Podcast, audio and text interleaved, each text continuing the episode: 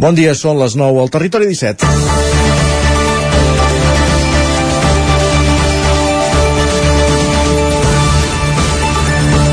Hem començat la, vam començar la setmana parlant de la salut econòmica de les empreses d'Osona i l'acabem parlant de la salut, la salut emprenedora i social. Ahir la colònia Rossinyol de Manlleu acollia la gala de la vuitena edició dels Premis Innovacat, una festa de l'empresariat de la comarca que destina més de 40.000 euros a finançar projectes d'emprenedoria i innovació.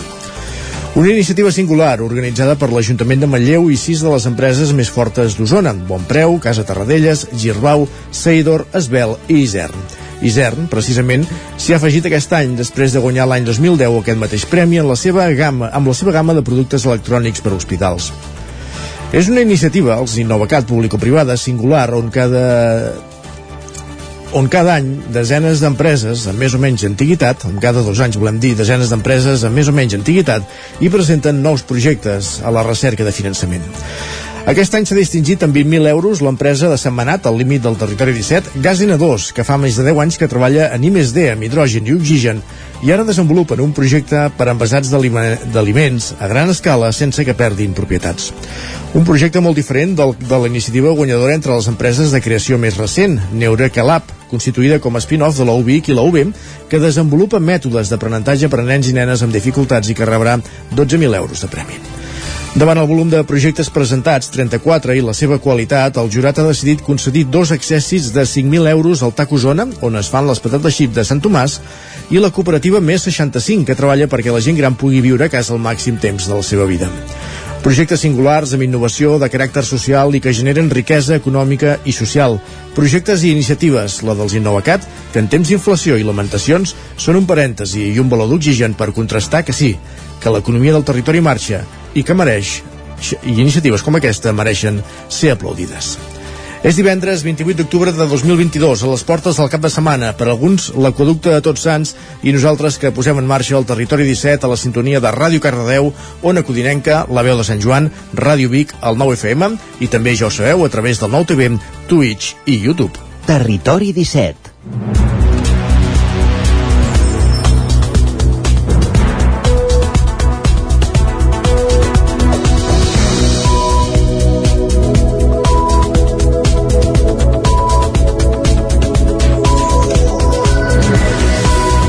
dèiem, posem en marxa el territori 17, ara que passen gairebé 3 minuts de les 9 del matí, un territori 17 que com cada divendres, com cada dia us acompanyarà fins a dos quarts de 10 amb les notícies més destacades de les nostres comarques.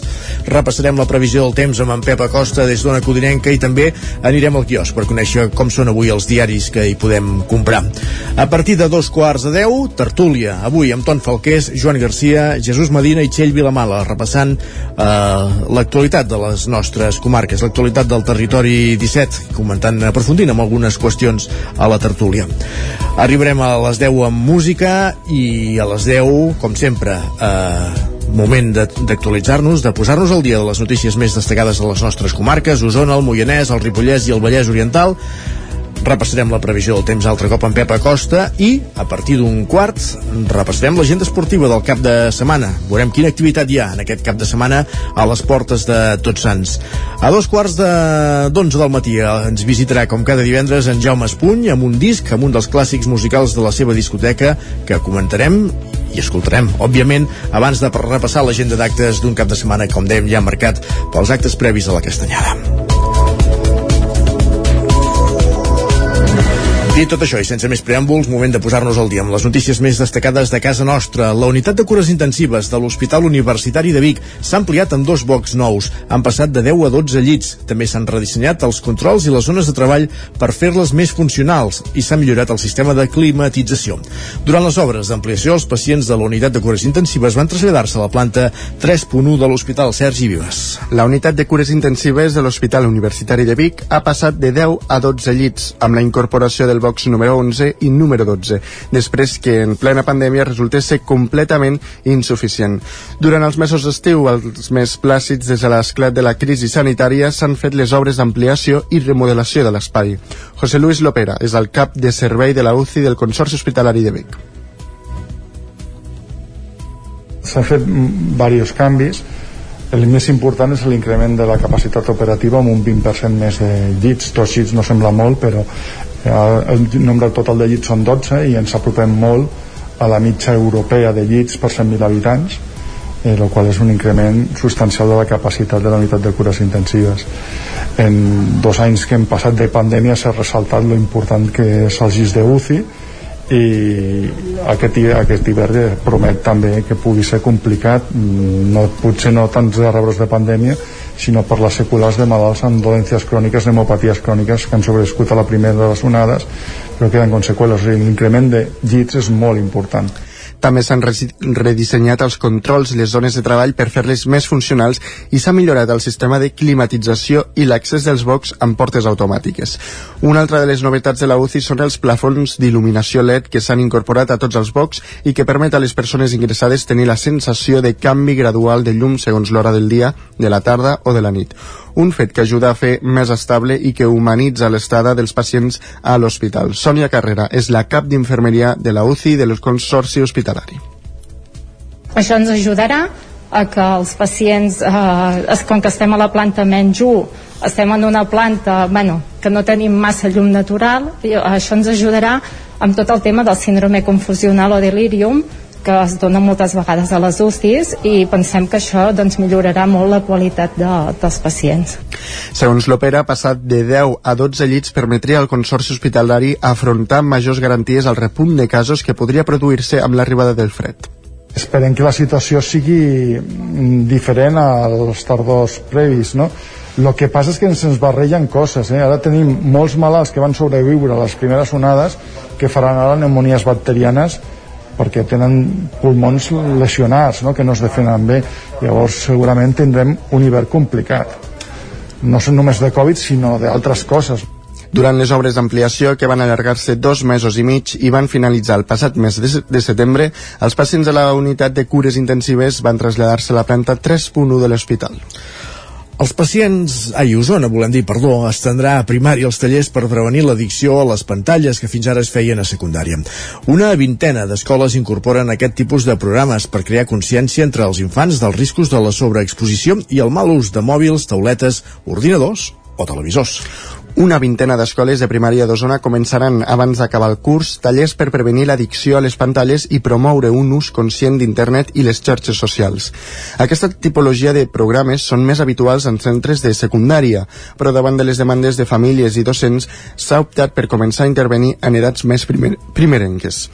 Anna Ramis, mestra i pedagoga, és una de les expertes que alerten que cada vegada cal actuar abans. Segons Ramis, autora del llibre de 0 a 3 Res de pantalles, a la primera infància, del 0 als 6 anys, ja hi ha comportaments addictius. Els nens i les nenes que estan exposats davant de pantalles des de que tenen 6 mesos, que és quan s'aguanten una mica drets, i aquestes pantalles apareixen moltes hores durant el dia, el seu cervell als 5 anys, als 4 anys, es comporta com si tingués una addicció. Això vol dir que no es distreuen amb res més, que no fan cas si a darrere no hi ha el premi de la pantalla i que quan els prives de pantalla s'enfaden moltíssim. L'addicció a les pantalles, el mal, el mal ús de les xarxes socials i les vulnerabilitats que tenen com a usuaris els nens i joves preocupen escoles i instituts, però també en el treball en xarxa que els centres educatius comparteixen amb els Mossos d'Esquadra, Osonament o el Servei de Salut Mental del Consorci Hospitalari de Vic, encapçalat per il·luminada Corripio hi ha una alerta relativament recent per exemple, sabem que ara actualment des de fa crec que un any i mig hi ha unitats ja específiques per tractar aquestes addiccions a les noves tecnologies i evidentment veient les conseqüències el manifest sobre l'ús de les pantalles per promoure un desenvolupament saludable en la primera infància, impulsat entre d'altres professionals per Anna Ramis, demana evitar l'ús de les pantalles abans dels 3 anys. Entre les recomanacions a les famílies per minimitzar la sobreexplotació o el mal ús dels dispositius mòbils hi ha incorporar els infants a les tasques quotidianes o idear activitats alternatives que siguin atractives per les criatures. Entre els 3 i els 6 anys, segons Ramis, l'ús de les pantalles hauria de ser lúdic, limitat en el temps i sempre amb la supervisió d'un adult. Veure uns dibuixos, veure imatges d'alguns reportatges que els nens, oh, els dinosaures, o els dofins, o els pingüins, o les girafes, doncs escolta, busquen, veure elements audiovisuals de qualitat. O una proposta que jo faig és veure fotografies o vídeos familiars El manifest demana que es potenciï la recerca científica sobre els impactes a llarg termini de l'ús de les pantalles, que regulin els continguts i les empreses de tecnologies digitals i que les famílies tinguin més eines per incorporar l'àmbit digital d'una manera saludable. També, també es fa èmfasi de la necessitat per, de millorar les polítiques de conciliació que permetin la dedicació de mares i pares a la criança. Gràcies, Sergi. Més qüestions. Berta Vilaseca, la veïna del Moianès encausada pels talls a l'estació de l'AVE de Girona durant el primer aniversari de l'1 d'octubre de 2017, ja coneix la nova data del judici. Caral Campàs, Ona Codinenca. Serà el 23 i 24 de març, juntament amb tres encausats més. El judici va ser ajornat al març d'aquest any per garantir el dret a defensa dels processats. Berta Vilaseca explica per què d'entre la munió de gent concentrada a l'estació aquell dia hi ha 21 acusats, encausats. Corroborar que érem nosaltres, aquestes quatre persones. Ara quatre persones anem a judici després de tres anys d'espera segons diuen és perquè es pot corroborar que érem nosaltres aquestes quatre persones que hi érem des del principi fins al final i que l'altra gent no es podia corroborar i per això es manté la causa, bueno, l'acusació contra nosaltres quatre. Durant el mes de febrer passat, Mollà va celebrar una concentració de suport amb la plataforma 21 raons que busca visibilitzar el cas com un exemple de repressió cap a l'independentisme. Vilaseca agraïa el suport del territori. Saber això, que, que hi ha molta gent darrere meu que no m'està deixant sola i que està disposada a fer el que sigui perquè és això, és com la premissa bàsica és que ni jo ni ningú del Moianès vagi a presó i, i això per mi és molt important i saber que som gent que potser som persones molt diferents però que tothom està unida per la mateixa causa i no sé, la veritat és que em tranquil·litza molt. Des del col·lectiu 21 raons han explicat que continuaran fent actes de suport als encausats. Gràcies, Caral. Més qüestions tres detinguts i 750 grams de cocaïna intervinguts en una operació policial a Granollers. Pol Grau, Ràdio i Televisió, Cardedeu. La policia local de Granollers, amb la col·laboració de la policia local de les Franqueses i dels Mossos d'Esquadra, va intervenir el passat dissabte 22 d'octubre 750 grams de cocaïna d'un domicili de la ciutat, entre altres quantitats de xís i marihuana. L'operació va dur a terme en el barri de l'Hostal, on hi ha hagut tres detinguts. Un d'ells va oposar forta resistència a la detenció i va provocar lesions a un dels agents. Els tres detinguts estan acusats d'un delicte contra la salut pública per tràfic de drogues. Un d'ells ja ha entrat a presó després de declarar davant del jutge de Guàrdia de Granollers. I al Ripollès, les ordenances fiscals de Sant Joan de les Abadesses pugen un 8,5% respecte al 2021 i Esquerra, l'oposició, ho atribueix a una mala gestió econòmica de l'equip de govern. Isaac Muntades, des de la veu de Sant Joan. L'Ajuntament de Sant Joan de les Abadeses va aprovar les ordenances fiscals per l'any 2023 amb els vots a favor de l'equip de govern de Moviment d'Esquerres i el vot negatiu d'Esquerra Republicana de Catalunya. L'alcalde de Més, Ramon Roquer, va detallar alguns dels canvis més significatius, com la pujada de l'IBI en un 0,91%, la congelació de la taxa a la llar d'infants i que el rebut de les escombraries per habitatge també pujarà fins als 143 euros. En la seva globalitat, els impostos i taxes s'apujaran un 8,5%. I el portaveu republicà, Sergi Albric, va apuntar que no era acceptable pujar els impostos i taxes pel que considerava una mala gestió econòmica del consistori. De fet, l'edil republicà va recriminar-li a Roquer que els convidessin a elaborar les ordenances i el pressupost conjuntament en un moment com aquest. Nosaltres hem participat a les reunions que, que ens han convidat, ens hem estudiat els números que ens van enviar, això ho hem fet, portam 10 anys demanant pactar uns pressupostos i curiosament l'únic moment que ens conviden a pactar uns pressupostos és en el moment que tenen un desequilibri brutal a nivell econòmic i per tant vam entendre ràpidament el que, el que retenien vostès, no? que era els números no ens quadren, per tant anem a buscar l'oposició eh, perquè quan, quan haurem de pujar impostos a veure si així ho fem conjuntament eh, la responsabilitat i la irresponsabilitat en, en tot cas és de vostès El regidor d'Esquerra va dir que hi havia un excés de despesa respecte als ingressos de 580.000 euros que s'havien de reajustar i que el deute havia passat de ser d'1,7 milions al 2017 a 2,3 milions d'euros l'any passat, un fet que els republicans atribuïen als 11 crèdits i préstecs que el consistori havia contret des del 2014 per fer front a les inversions i que feia pujar les amortitzacions de préstec fins als 300.000 euros. En aquest sentit, Roquer va contestar-li que s'havien pagat 20.000 euros menys en càrrega d'amortització d'interessos respecte a l'any anterior. El BRIC va recordar que la taxa d'escombraries s'havia pujat un 39% des del 2017 i que l'any 2021 hi havia 400.000 euros que s'haurien d'haver destinat a aixugar el deute. L'alcalde va recordar que enguany s'ha fet la relació de llocs de treball, que ha comportat un augment de salaris que pugen uns 100.000 euros. El cost del gas i la llum també s'incrementa en aquesta xifra i les escombraries en gairebé 150.000 euros. Roquer apuntava que el discurs del BRIC era fals i irresponsable perquè ignorava el context social i econòmic i no es va mossegar la llengua. Em entristeix molt veure tanta demagogia i populisme amb un discurs més propi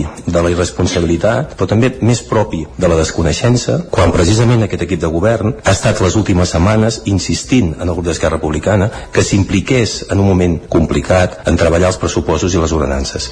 I des del meu punt de vista, la implicació del grup d'Esquerra Republicana ha sigut nula. Nula en tots els sentits.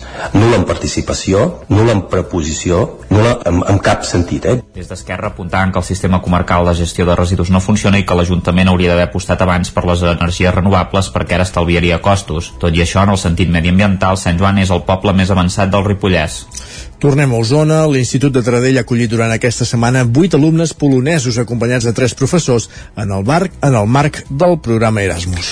Aquest dimecres, els alumnes acollits van ensenyar i explicar d'on venen, mentre que alguns alumnes de l'institut van mostrar-los als diferents municipis osonencs on els estudiants polonesos s'allotjaran fins diumenge.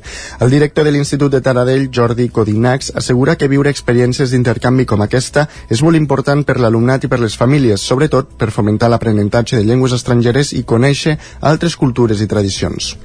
Home, evidentment pel alumnat acollidor i les seves famílies aquesta experiència és, és riquíssima. Es veuen la realitat del que nosaltres des del centre educatiu estem intentant inculcar-los-hi, que és que els idiomes són importants, que la, la consciència europea i ciutadania eh, existeix i l'estan posant en pràctica i llavors doncs, l'aprendre costums i tradicions d'una altra cultura i comunicar-se amb valors, respecte, és, és una experiència molt interessant. El programa d'activitats de la seva estada inclou excursions perquè puguin conèixer la comarca i Catalunya. De fet, ahir van visitar Barcelona per veure la Sagrada Família al Museu Nacional d'Art de Catalunya, entre d'altres localitzacions, i avui han posat rumb cap al Canal Olímpic de Castelldefels. Gràcies, Sergi. Acabem aquí aquest repàs informatiu que començàvem al punt de les 9 en companyia de Sergi Vives, Isaac Muntades, Caral Campàs i Pol Grau. Moment al territori 17 de saludar amb Pep Acosta. Tornem a una codinenca per saber la previsió del temps.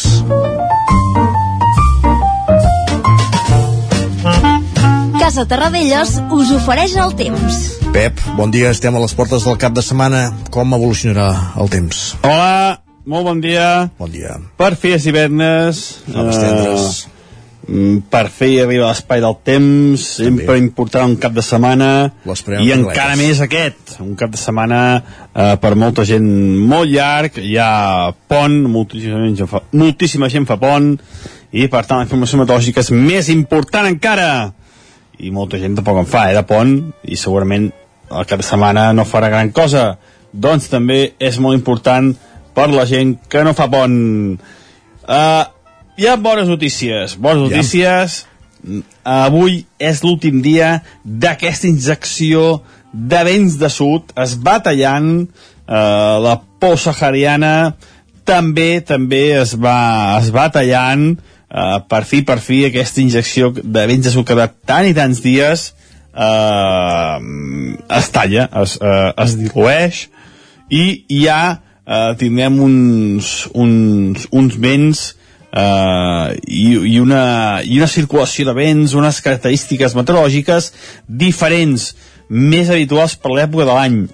Però avui encara la situació estarà marcada per aquests vents de sud que van a menys i aquesta suavitat de temperatures. Les mínimes hi han estat força altes novament, eh, bastant més altes del normal, i molts pocs núvols, tenim molts pocs núvols. Però el dia d'avui, igualment, molts pocs núvols, cap precipitació, però les temperatures ja dos o tres graus més baixes. Uh, si ahir encara es van aproximar els 30 graus quasi bé, avui ja la majoria màximes entre els 25 i els 27. Ja no ens acostumem a aquests uh, 30 graus. De cara a demà, les temperatures baixen una mica més. La majoria màximes, 25 graus, les mínimes baixaran. Atenció, perquè per fi, per fi, per fi, per fi, eh, sembla que la nit de divendres a dissabte i de dissabte a diumenge hi pot haver les primeres glaçades a alta muntanya. Després de molts dies, per fi, pot tornar a glaçar. El temps serà, per això, molt estable, tant dissabte com diumenge, molts pocs núvols, les temperatures màximes entre els 23 i els 25 graus. Uh, va baixant aquest termòmetre. I si mirem ja de cara al pont, dilluns i dimarts, el temps anirà una mica més inestable, eh, no s'ha de dir de puja ni molt menys general, però sí que dilluns i dimarts algun duixat es pot escapar, sobretot cap al prelitoral, i les temperatures continuen baixant. Les màximes de dilluns i dimarts es voltaran entre els 20 i els 22 graus. I les mínimes, les mínimes englaçades a alta muntanya i la majoria de mínimes entre els 10, eh, entre els 10 i els 12-13 graus. Eh, ben bé, comparat amb ahir, comparat amb ahir, les temperatures baixaran les màximes entre 7 i 8 graus i les mínimes uns 4 o 5 eh, es van normalitzant aquestes temperatures i per fi aquesta calor, aquesta suavitat que estem tenint ja serà història. Repassem, eh? Molt, molt, molt ràpidament. Avui, últim dia d'aquesta injecció de vents de sud, últim dia d'aquesta pols, d'aquesta mala visibilitat, a partir de demà, baixada de temperatures i, sobretot, a partir de dilluns i març, més, eh, més inestabilitat, alguna petita precipitació i les temperatures que encara baixen més. Moltes gràcies, adeu, bon dia. Gràcies, Pep. Doncs sembla que s'acaba això d'anar pel món en màniga curta. Gràcies, fins després. Casa Tarradellas us ha ofert aquest espai. I després del temps, quiosc. Per repassar, Sergi, les portades dels diaris del dia. Avui és divendres, per tant, comencem per les portades del 9-9. Doncs comencem per Osona del Ripollès. Destaquen que els costos de l'energia condicionen els pressupostos i les ordenances fiscals dels ajuntaments pel 2023. I a més a més aquí eh, veiem els premis de la innovació a Manlleu. De fet, els, els Innovacat, que s'hi ah, ahir vespre. Ah, exactament. Um, de fet, veiem aquí una fotografia dels guanyadors dels premis amb els representants de les empreses i institucions organitzadores. Molt bé. Vallès Oriental. Al Vallès Oriental doncs, destaquen que un motorista ha mort en xocar contra un cotxe que avançava un patinet a Corro d'Avall. Carai. I eh, també destaquen els radars eh, que frenen accidents greus a la comarca i això ho il·lustren doncs, amb una fotografia de Mossos inspectors del Departament de Treball en el control a camioners d'aquest dijous a la tarda a l'antic peatge de la P7 a la Roca. D'acord, doncs són les portades del 99.cat en les seves dues edicions. Avui divendres anem per la premsa que s'ha dit a Barcelona. Doncs comencem pel punt avui, que encapçala eh, una reforma enverinada. Això eh, perquè el PSOE no vol revisar la sedició si Esquerra no admet que l'1 d'octubre hi va haver delicte i a més destaquen que la tecnologia reuneix les Venus de Dalí i amb una fotografia doncs, veiem les dues versions de l'obra, una en holograma eh, juntes en una exposició a Figueres. Molt bé. El periòdico destaca que el pressupost de Sánchez avança i veiem en una gran fotografia el veler de fusta més gran del món que ahir Uh, aquí, ahir aquest vaixell suec doncs, del segle XVIII va arribar al port de Barcelona i s'estarà fins al març. La Vanguardia, per la seva banda, destaca que el PP suspèn la negociació de la cúpula judicial per la sedició i amb una imatge de nous bombardejos russos a Ucraïna destaquen unes declaracions de Putin. Diu que arriba la dècada més perillosa. Aviam. Sí. Lara destaca que el Banc Central Europeu dispara el preu del diner i farà que les hipoteques pugin més. I, a més, doncs, destaquen que mentre Putin amenaça el món, Ucraïna es queda sense escoles. I això ho il·lustren doncs, amb una fotografia on es veu un adolescent sola a l'interior d'una escola destruïda. Els tipus d'interès que no paren de, de pujar. déu nhi com se'ns està posant l'economia. Només faltava això. El País avui destaca que Feijó torna a bloquejar el poder judicial, ara per la sedició. I veiem una gran fotografia dels nous bombardejos russos a Ucraïna, diuen que són les noves amenaces de Putin. L'ABC, per la seva banda, destaca que el PSOE cola una esmena a Brussel·les per rebre fons sense complir amb les reformes i després amb una fotografia de Pedro Sánchez ahir a Sud-àfrica expliquen que el PP suspèn la negociació del Poder Judicial al confirmar Sánchez a Feijó que rebaixa la sedició. Quedat una mica poètic.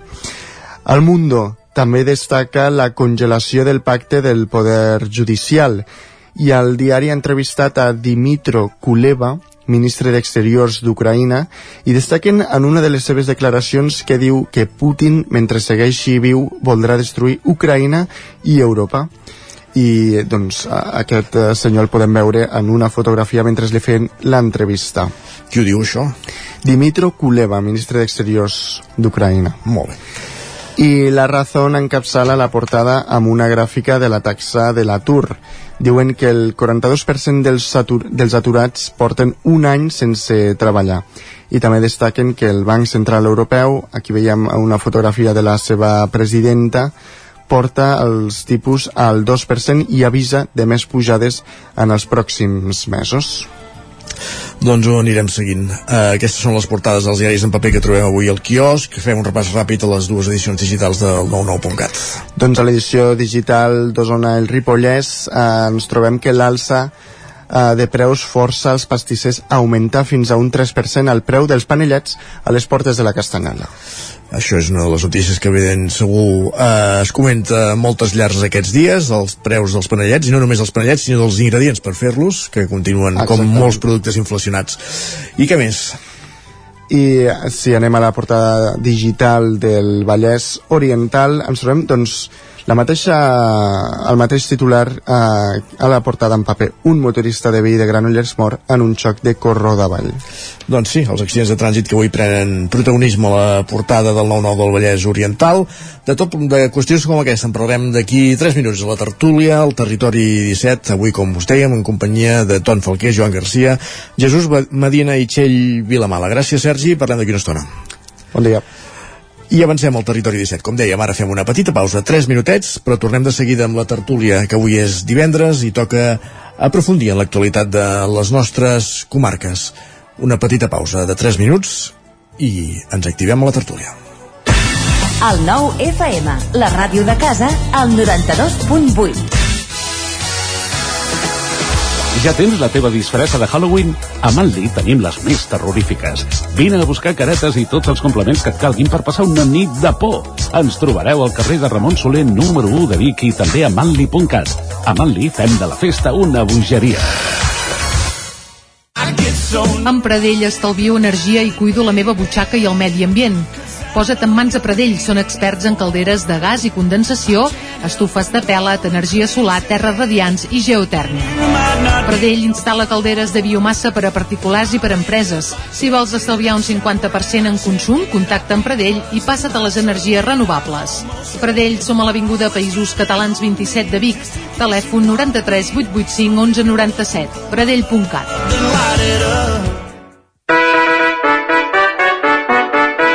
Diumenge 6 de novembre torna la Fira d'en Roca Guinarda a Olost. Aquest any arriba el rei. Arriba! Olost es transformarà al segle XVII, amb bandolers, barjaules, pillets i molt, molt, molt d'humor. Entra dins la llegenda. A carn! A carn! Bon dia, són les 9 al Territori 17. La Miquel Parella. Cada matí i durant dues hores t'acompanyem i et posem al dia de l'actualitat de casa nostra. Potenciant així l'autonomia En aquest cas me la té saltaler si no... Cursos per feminitzar el pensament masculí. Territori 17, el magazín matinal d'Osona, el Moianès, el Ripollès i el Vallès Oriental. Que la meva àvia de 93 el anys... 9 FM, el 9 TV, el 99.cat i també els nostres canals de Twitch i hora YouTube. demà per fer-se un tatuatge. Cada matí, Territori 17. Ole! Coberta serveis funeraris. Els nostres tanatoris estan ubicats en els nuclis urbans més poblats de la comarca d'Osona per oferir un millor servei. Tanatori de Vic, Tanatori de Manlleu, Tanatori de Centelles i Tanatori de Roda de Ter. Sabem que són moments difícils i per això el nostre compromís és atendre-us en tot moment amb un tracte humà, sensible i respectuós. Coberta serveis funeraris. Telèfon 24 hores 93 883 23 46. Cocodril Club. Si t'agrada la bona música dels anys 60, 70 i 80, escolta el 9 FM els matins de dissabtes i diumenges d'11 a 1. És el temps del Cocodril Club, tot un clàssic de la ràdio, amb les bases del pop-rock, les llegendes, les cançons que s'han convertit en autèntics himnes. Recorda, dissabtes i diumenges al matí, d'11 a 1, al 9 FM 92.8. Cocodril Club, el programa revival de l'Albert Malla. Hasta luego, cocodrilo. El 9 FM, la ràdio de casa, al 92.8. En punt, dos quarts de deu al territori 17.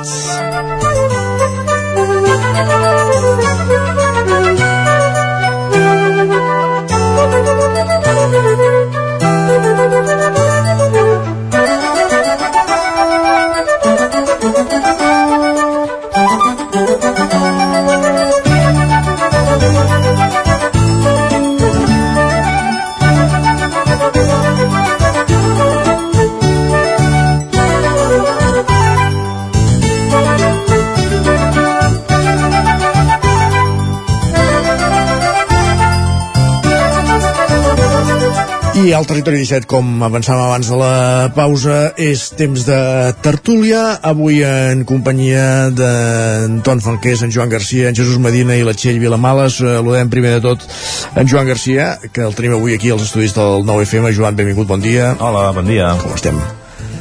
Tot bé? Bon dia, tot bé, tot bé. Perfecte. Molt content d'estar amb vosaltres. També ja tenim a punt eh, Jesús Medina, el director del 9-9 del Vallès Oriental. Jesús, benvingut, bon dia. Bon dia, què tal? Com va tot? Bé, i pel Vallès? Bé, també. De moment sembla que avui farà... Sí, exacte, i a més a més sembla que farà sol i calor. Molt bé, diu que s'acaba això, eh? que a partir de demà comencen a baixar temperatures. Per tant, veurem els propers dies com evoluciona i si realment ja entrem a una temperatura més d'acord amb l'època de l'any que, que estem. Uh, en breus moments s'incorpora... En breus moments també s'incorpora la tertúlia la Txell Vilamala, aquí als estudis del 9FM, i en Ton Falqués d'una Codinenca, uh, que també en breus moments també ja el podrem saludar. Uh, avui tenim diverses qüestions per, per tocar. Abans que res, deixa'm fer un preludi, Xus, ja que tenim aquí, perquè ara ens anirem a la portada del 9-9 de, del Vallès Oriental, eh, amb aquest titular que, que l'encapçala, aquest motorista mort, un, un nou accident de trànsit mortal malauradament, però també aquesta, aquest titular que doneu dels radars que frenen accidents greus a, a la carretera. Entenc que això són dades que, que faciliten trànsit i, i els Mossos d'Esquadra que sempre ens posem la mosca al nas quan veiem un radar però que evidentment sempre tenen una funció efectiva Sí, la veritat és que hem demanat eh, al Servei Català de Trànsit que ens expliqués eh, què és el que havia passat en els últims 5 anys en aquelles carreteres d'aquí del Vallès Oriental en les quals hi havia radars. I les dades són molt evidents. Eh, tot el que són accidents greus, és a dir, que han tingut víctimes mortals o ferits greus que, que els hi ha calgut hospitalització doncs ha baixat un 66% en, en, en aquest període de 5 anys és a dir, s'ha passat al voltant d'unes 40 víctimes anuals en aquestes carreteres concretes que sobretot són doncs, la C-17 eh, altres radars que hi ha el 75, etc. i s'ha baixat doncs això de gairebé unes 40 víctimes anuals a només eh, la dada concreta em sembla que són 16 o 17 13 a 13 víctimes mortals o ferits. Per tant mmm, sembla que és una demostració que quan ens toquen la butxaca i quan hi ha multes doncs suposo que tots els usuaris de les carreteres això vol dir doncs és de la gent que es desplaça per motius de feina, per motius d'oci o els camioners que hi treballen doncs eh, la veritat és que poses més atenció i aleshores això no és res més allò que una altra constatació que si es mantenen els límits de velocitat segurament els accidents no són impossibles però sí que el que es redueix són les víctimes i els estranys. Mm -hmm volíem fer aquest apunt a l'inici de la tertúlia tenint en compte això, aquesta portada que hem vist del 9 al Vallès Oriental. Totes, de totes maneres avui a la tertúlia tenim previst tocar altres qüestions. Saludem també ja a la Txell Vilamala incorporada aquí als estudis de, del 9 FM benvinguda Txell. Bon dia. I en Tom Falqués que també ja el tenim en línia. Don, benvingut, bon dia. Bon dia a tots Uh, una de les qüestions que m'agradaria tocar, mm, bàsicament perquè la setmana que ve es posa en marxa ja el sistema de recollida porta a porta als domicilis de, de Manlleu, a Manlleu és una ciutat de més de 20.000 habitants. Fins ara havíem vist aquest sistema de recollida porta a porta que funcionava amb, amb índex de, del 80% de reciclatge en pobles més petits, però ja en els darrers mesos anem veient doncs, com comença a implantar-se també a municipis més grans, el, en el cas del Vallès Oriental, sense anar més lluny, a, a Cardedeu, a Sant Feliu de Codines també s'aplica, però també és un, un poble menys població, i ara toca a Manlleu, Txell, eh, tu que ho has anat seguint de prop, realment és tot un repte per la ciutat, no? Uh, sí, exacte. Dimarts, uh, després de la nit de la Castanyada, hauran desaparegut els contenidors dels carrers, de la via pública, i la gent haurà de començar a funcionar amb, amb aquest sistema de, recoll de recollida de residus porta a porta.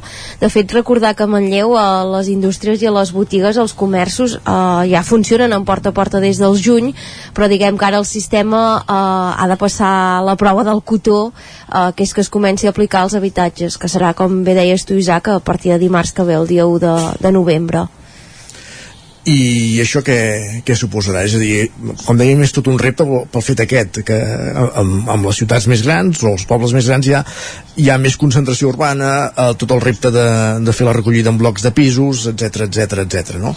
Aquest suposo que és el, el principal repte que assumeix Manlleu, que a més a més no ho fa en un moment fàcil, perquè ho fa a les portes d'unes eleccions municipals i sempre veies que quan s'implantaven portes a portes molts governs procuraven no fer-ho amb, la, amb el mandat tan avançat, diguéssim. Clar, d'entrada hem de partir de la base que els canvis de rutina, eh, ho sabem, ho saben també els ajuntaments, eh, sempre, sempre generen reticències. És evident que caldrà un període d'adaptació, que segurament al consistori li farà falta molta empatia, molta pedagogia, haver de resoldre dubtes. Eh, també està cantat que segur que hi haurà incidències, eh, perquè com bé dius, no és el mateix fer el porta a porta a Sant Julià o Prats de Lluçanès, que tenen entre 2.000 o 3.000 i pocs habitants, que una ciutat que frega els 21.000 però sí que és veritat eh, que el que ens diuen les dades, i en això Osona sempre ha estat pionera, és que el porta a porta és el sistema de recollida més, eh, de residus més eficient a l'hora de disparar els índexs de reciclatge. És veritat que en termes d'innovació els últims anys s'ha fet molta feina, per exemple a Centelles o, o a Torelló estan funcionant amb aquests contenidors amb xip al carrer, continuen sent contenidors al carrer eh, però en què eh, es té una informació extra del que llença cada ciutadà que també dispara els índexs de reciclatge però tot i això, com explica molt bé l'Isaac Paraire de Prats, que és el director de l'Agència de, de Residus de Catalunya ara per ara no hi ha cap altre model que iguali el porta a porta. Per tant, 1 D'una banda, eh, Manlleu s'ha tirat a la piscina per aplicar el model que és d'excel·lència, Uh, això vol dir uh, que segurament uh, uh, és complicat, és complicat uh, arribar uh, als objectius, però que amb paciència i amb temps, uh, si tot va bé, s'hauria de poder aconseguir, partint també de la base que és veritat que es tira la piscina per la població que té, però que Manlleu ho fa amb una subvenció de més d'un milió d'euros de l'Agència de Residus de Catalunya. Per tant, el projecte s'ha pogut treballar molt bé, uh, s'ha fet de, de forma bastant pionera, pensant, en, per exemple, en aquestes bústies que hi haurà als blocs blocs de pisos als edificis plurifamiliars eh, eh, bústies a l'estil del, de retornar llibres a les biblioteques doncs, perquè la gent pugui dipositar les seves bosses d'una forma endreçada, no hi hagin multiplicitat de, de cubells a, a davant de la porta això és només un, un exemple del que ha permès aquesta subvenció. S'han construït les àrees d'aportació aquestes que també funcionaran amb codi, eh, s'ha definit tot el sistema de pagament i copagament. Per tant, és veritat que Manlleu es tira a la piscina, però que crec que ho fa eh, amb certes garanties. Uh -huh. I llavors, una altra cosa que crec que eh, és de destacar, i justament aquests dies encara més, perquè estem veient com els ajuntaments aproven les ordenances fiscals, és que amb l'entrada d'aquest nou model de recollida el que també faran ells és començar a aplicar el pagament per cogeneració. És a dir, ara el que ens trobem a la majoria de municipis és que tots paguem el mateix, tots els habitatges, independentment de com de bé o de malament reciclem. A Manlleu, amb el pas del porta a porta, el que fan és mantenir una quota fixa per totes les cases, però també un import que serà variable en funció de com s'impliquin els ciutadans en aquest sistema.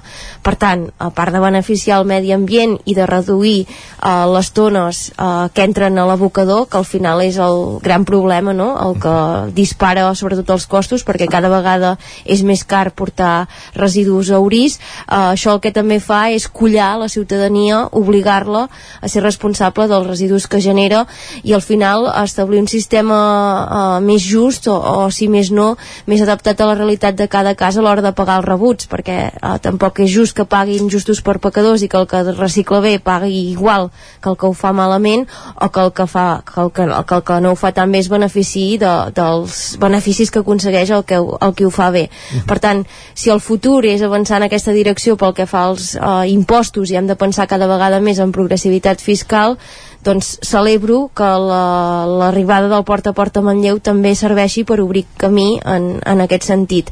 Ara, com bé deies, eh, caldrà veure aquestes setmanes que venen com es gestiona, eh, perquè el que també està clar és que d'entrada eh, segur, segur que d'incidències n'hi haurà moltes i l'Ajuntament haurà de demostrar també si té múscul i cintura per saber respondre i resoldre eh, tots aquests problemes que vagin sorgint. Uh -huh. A Sant Feliu es fa porta a porta, a Sant Joan es fa porta a porta, eh, experiència amb, amb aquest tipus de, de recollida que partidaris de tractors vosaltres mateixos. A Sant Joan es fa des de l'any 2006 i de fet és l'únic municipi del Ripollès. En fa uns quants i aquest és un dels problemes eh? perquè el que sol passar és que quan doncs, un únic eh, poble ho fa i els del voltant no no es poden aprofitar les sinergies del, del tipus de recollida perquè clar, eh, són, són models totalment diferents. I això també fa el, el turisme d'escombraries perquè moltes vegades passa uh, no, no és cap secret que es fa un sopar a Sant Joan no? i es genera moltes escombraries n'hi ha un que se'n va cap a Ripoll i s'ho endú i de fet l'Ajuntament de, de Ripoll ho ha denunciat en, en diverses ocasions també passa que Vic crec no? vull dir en alguns, en alguns uh, en, en alguns eh, contenidors hi ha, hi ha uns adhesius que diu que, que només es pot fer servir per gent de Vic. De fet, Vic està envoltada de municipis de la Mancomunitat La Plana on fan el porta a porta i pot passar, evidentment, sí, sí. I ho comentava, això del tema de les eleccions i del canvi, i és cert que és un xoc. Com a anècdota, a Sant Joan l'any 2006, quan, quan es va fer, l'alcalde de Sant Joan, que llavors era en Carles Bassagany, que l'escoltem a vegades a la secció de l'R3, alguns veïns li anaven a deixar les escombraries a casa seva quan es va implantar aquest sistema com a crítica. Um, la veritat és que, és que jo també hi estic d'acord i, i penso que, que hem d'anar cap, cap, a aquest, cap a aquest sentit hem d'anar incorporant aquest tipus de, de sistemes i potser pensar perquè hi ha gent que, que, que es pensa que això és com un servei. Tu pagues unes escombraries i és un servei no? te les venen a recollir i al final el que estan fent és una gestió d'una responsabilitat teva suposo que si, si comencem a pensar en aquest sentit, és a dir, imaginem que tot allò que generem ens ho hem de gestionar nosaltres. Tots els envasos, tot l'orgànic, durant un mes no surt de casa i tu t'has de fer el que, el que creguis o el que puguis. Ens n'adonaríem de la importància del, del generar menys i del reciclar i de, i de tot això. Uh -huh.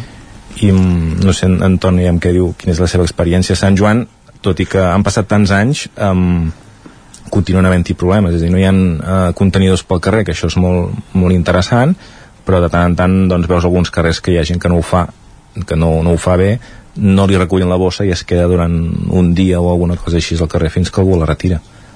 A mi m'ha fet molta enveja la Txeri quan explicava les condicions de, de treball des de, des de, de, de Manlleu, perdó, perquè Sant Feliu el principal problema que tenim ara mateix és això, no? l'incompliment l'incompliment de la gent a fer la, la, la, la selectiva. Eh, Sant Feliu es fa des del 2004 amb orgànica des del principi i després el 2007 es va començar a fer tota la recollida en general i durant uns anys, evidentment al principi va ser un xoc perquè la gent es va haver d'adaptar a un altre sistema, no? però i, i durant uns anys doncs, la, la cosa va anar bé, el que passa que amb el creixement de Sant Feliu els últims, no sé, 7 o 8 anys, 10 potser, eh, bueno, es veu qui està acostumat i qui no hi està acostumat. Llavors, també el que deia una mica l'Isaac, no? la cultura aquesta de dir, bueno, hem, hem d'ajudar entre tots plegats a que això sigui una mica més, més factible i una manera de reduir, de reduir despeses i plegat, de reduir això, residus i tot plegat, no? Clar, eh, m'ha agradat molt el tema del xip, jo sé que a Suïssa, per exemple, ho fan, a Suïssa cadascú compra les seves bosses, ja, ja venen xipades i passen allà, passen el codi de barres i s'ha acabat el problema, no? I em va agradar molt, m'agrada molt, perquè al final és una cosa de dir, mm, tu responsabilitzes i com més recicles, entre cometes, menys pagues perquè ajudes més, no? Jo parlo de, per l'experiència de, de, de Sant Feliu, puc explicar al meu blog, tots sabem qui són els dos veïns que no reciclen. perquè a més a més a Sant Feliu una cosa que és el rebuig, que és el diumenge, i allà s'hi val tot. I clar, la gent llença caixes d'Amazon amb etiqueta posada. Vull dir, sense cap mena de vergonya, perquè saben que no els hi passarà res. Mm, clar, no els hi passarà res. En aquest sentit de Sant Joan jo sí que, que sóc conscient que, que sí que passa, és a dir, no et recullen el rebuig, fins i tot et poden obrir la bossa i a vegades poden trobar doncs, que si has tirat amb el rebuig coses que no són rebuig i hi ha una factura i a la teva adreça eh, poden identificar de qui és aquella escombraria. I això es fa, que és una cosa que, que sobta molt però, però es veu que és, que és legal i que s'ha utilitzat per identificar qui llença malament el rebuig. És que directament tampoc te'l recullen. Vull dir, posen un, un adhesiu dient que, que aquella escombraria doncs, no, no compleix amb, amb el que toca llançar aquell dia i que, si plau que se l'enduguin a casa i, i ho separin. De fet, et, et torna moltes vegades, et torna fins i tot un cubell d'orgànica que, per molt orgànica que hi hagi allà, si la bossa no compleix els requisits de ser una bossa compostable, també te la tornen. Uh, això aquí a Osona passa, i que sense anar més lluny. I, Xus, ai, digues, perdona. Per, també m'ha semblat molt interessant el que comentaves, Joan, de què és car i barat en gestió de residus. És, és veritat el que deies, no? Si ens haguéssim de quedar les escombraries a casa, potser ens replantejaríem si 642 euros l'any, que per exemple és el que es paga a Manlleu de quota fixa, són molt o molt pocs diners eh, per gestionar tot aquest volum de residus que, que generem. I això m'enllaça amb un... No sé si us, us hi veu trobar vosaltres també a l'escola, però jo quan era petita em van ensenyar allò de les 3 R's, reduir, reciclar, reutilitzar. Potser, eh, a part de pensar què hem de fer amb totes les deixades que generem, també hauríem d'aplicar més pressió eh, sobre els governs a l'hora de que es legisli, eh, però amb cara i ulls eh, per obligar també que els lineals dels supermercats, per exemple, doncs ja directament eh, no empenyin els consumidors a haver de, de, de comprar això, de, de, de comprar en volums de cartró, de plàstic. Vull dir que en aquest sentit, eh, evidentment que s'ha de corresponsabilitzar la ciutadania de gestionar els residus que genera, però eh, l'administració també podria fer passos eh, abans de tot això. Per tant, eh, sí, feina al final del procés, però també al principi, i en això és veritat que a l'hora de legislar potser els governs han quedat una mica enrere i veiem novament, com passa moltes vegades, que hi ha ciutadans que van per davant i penso, per exemple, en entitats que s'han constituït aquí Vic mateix, no? que fomenten el residu zero i van a comprar, per exemple, amb carmanyoles o també el que estan fent alguns comerços, però per interès propi i no perquè sigui l'administració qui, qui els hi obliga. Per tant, en aquest sentit, potser sí que és veritat que un cop més la ciutadania va per davant. Mm -hmm. Um, és que aquí al Vallès Oriental la veritat és que això ha estat passant els últims mesos i, i ara hi ha moltes coses allò a sobre és a dir, em, em fa la sensació que en els últims mesos hi ha hagut com una mica de, de competició per veure qui era el municipi de Catalunya que feia el porta a porta amb més habitants aleshores va arrencar la Garriga govern, governat per Esquerra Republicana després va agafar el testimoni eh, Cardedeu que té 2.000 habitants més que la Garriga govern eh, d'Esquerra Republicana ja i ara ho agafa Manlleu que ara està mirant les dades de població i diria que Manlleu es convertirà en, el, en el, la població amb més habitants de Catalunya que fa el porta a porta també amb un govern d'Esquerra Republicana. És a dir que per una banda jo crec que aquí sí que s'ha de felicitar l'Isaac Paraire que és el president de l'associació ai, del, de l'Agència Catalana de Residus que almenys ha anat més enllà del que va anar el seu antecessor que era en Josep Maria Tost de Junts, a més a més alcalde, eh, alcalde de Riu de Canyes, que no va arribar a convèncer ni els seus. En aquest cas, allò, crec que la influència que té l'Isaac Paraire en el que són els alcaldes i alcaldesses d'Esquerra Republicana és bastant superior al que tenia el Josep Maria Tost. L'excepció és Torelló, on faran contenidors xipats i no porta a porta, però vaja, i també és d'Esquerra. Continua, uh, continua. Dit, a, dit això, què és el que ha passat? A la Garriga es va arrencar i hi han hagut moltes crítiques, moltes, encara continuen fins i tot es parla que segurament el fet del porta a porta li costarà li costarà l'alcaldia a Esquerra Republicana en les properes eleccions municipals tot i que la gent es va acostumant en el cas de Cardedeu també ha generat moltes, moltes crítiques, entre altres coses perquè també han fet uns sistemes allò que d'una mena de pals que hi ha en els carrers, sobretot més poblats, que s'han de penjar el, els cubells en aquests, en aquests pals i aleshores això genera va, mm, aquelles coses i, i després el, el, tenen problema de la gent que no ho fa bé que deixen, per exemple, ara fa poc, em sembla que fa una setmana, dues setmanes, publicàvem una fotografia d'un lector d'algú que havia deixat en una paperera d'un parc un, un os de pernil directament, perquè suposo que no havia fet bé el que era el, el, el, la recollida o el deixar, deixar les escombraries. I aleshores, per acabar de complicar, aquestes últimes setmanes Montmeló, que té uns 15.000 15 16.000 habitants, ha estrenat els contenidors intel·ligents, els contenidors que s'obren només si passes la targeta o vas amb l'app. Eh, què, què està passant a Montmeló? Que amb aquests contenidors han disparat el 90% la recollida selectiva en els 10 primers dies. Jo crec que encara és molt d'hora per fer cap eh, cap valoració. En el cas de, tant en el cas de la Garriga com en el cas de Cardedeu també s'han disparat el, les diverses fraccions, per tant s'està fent bé.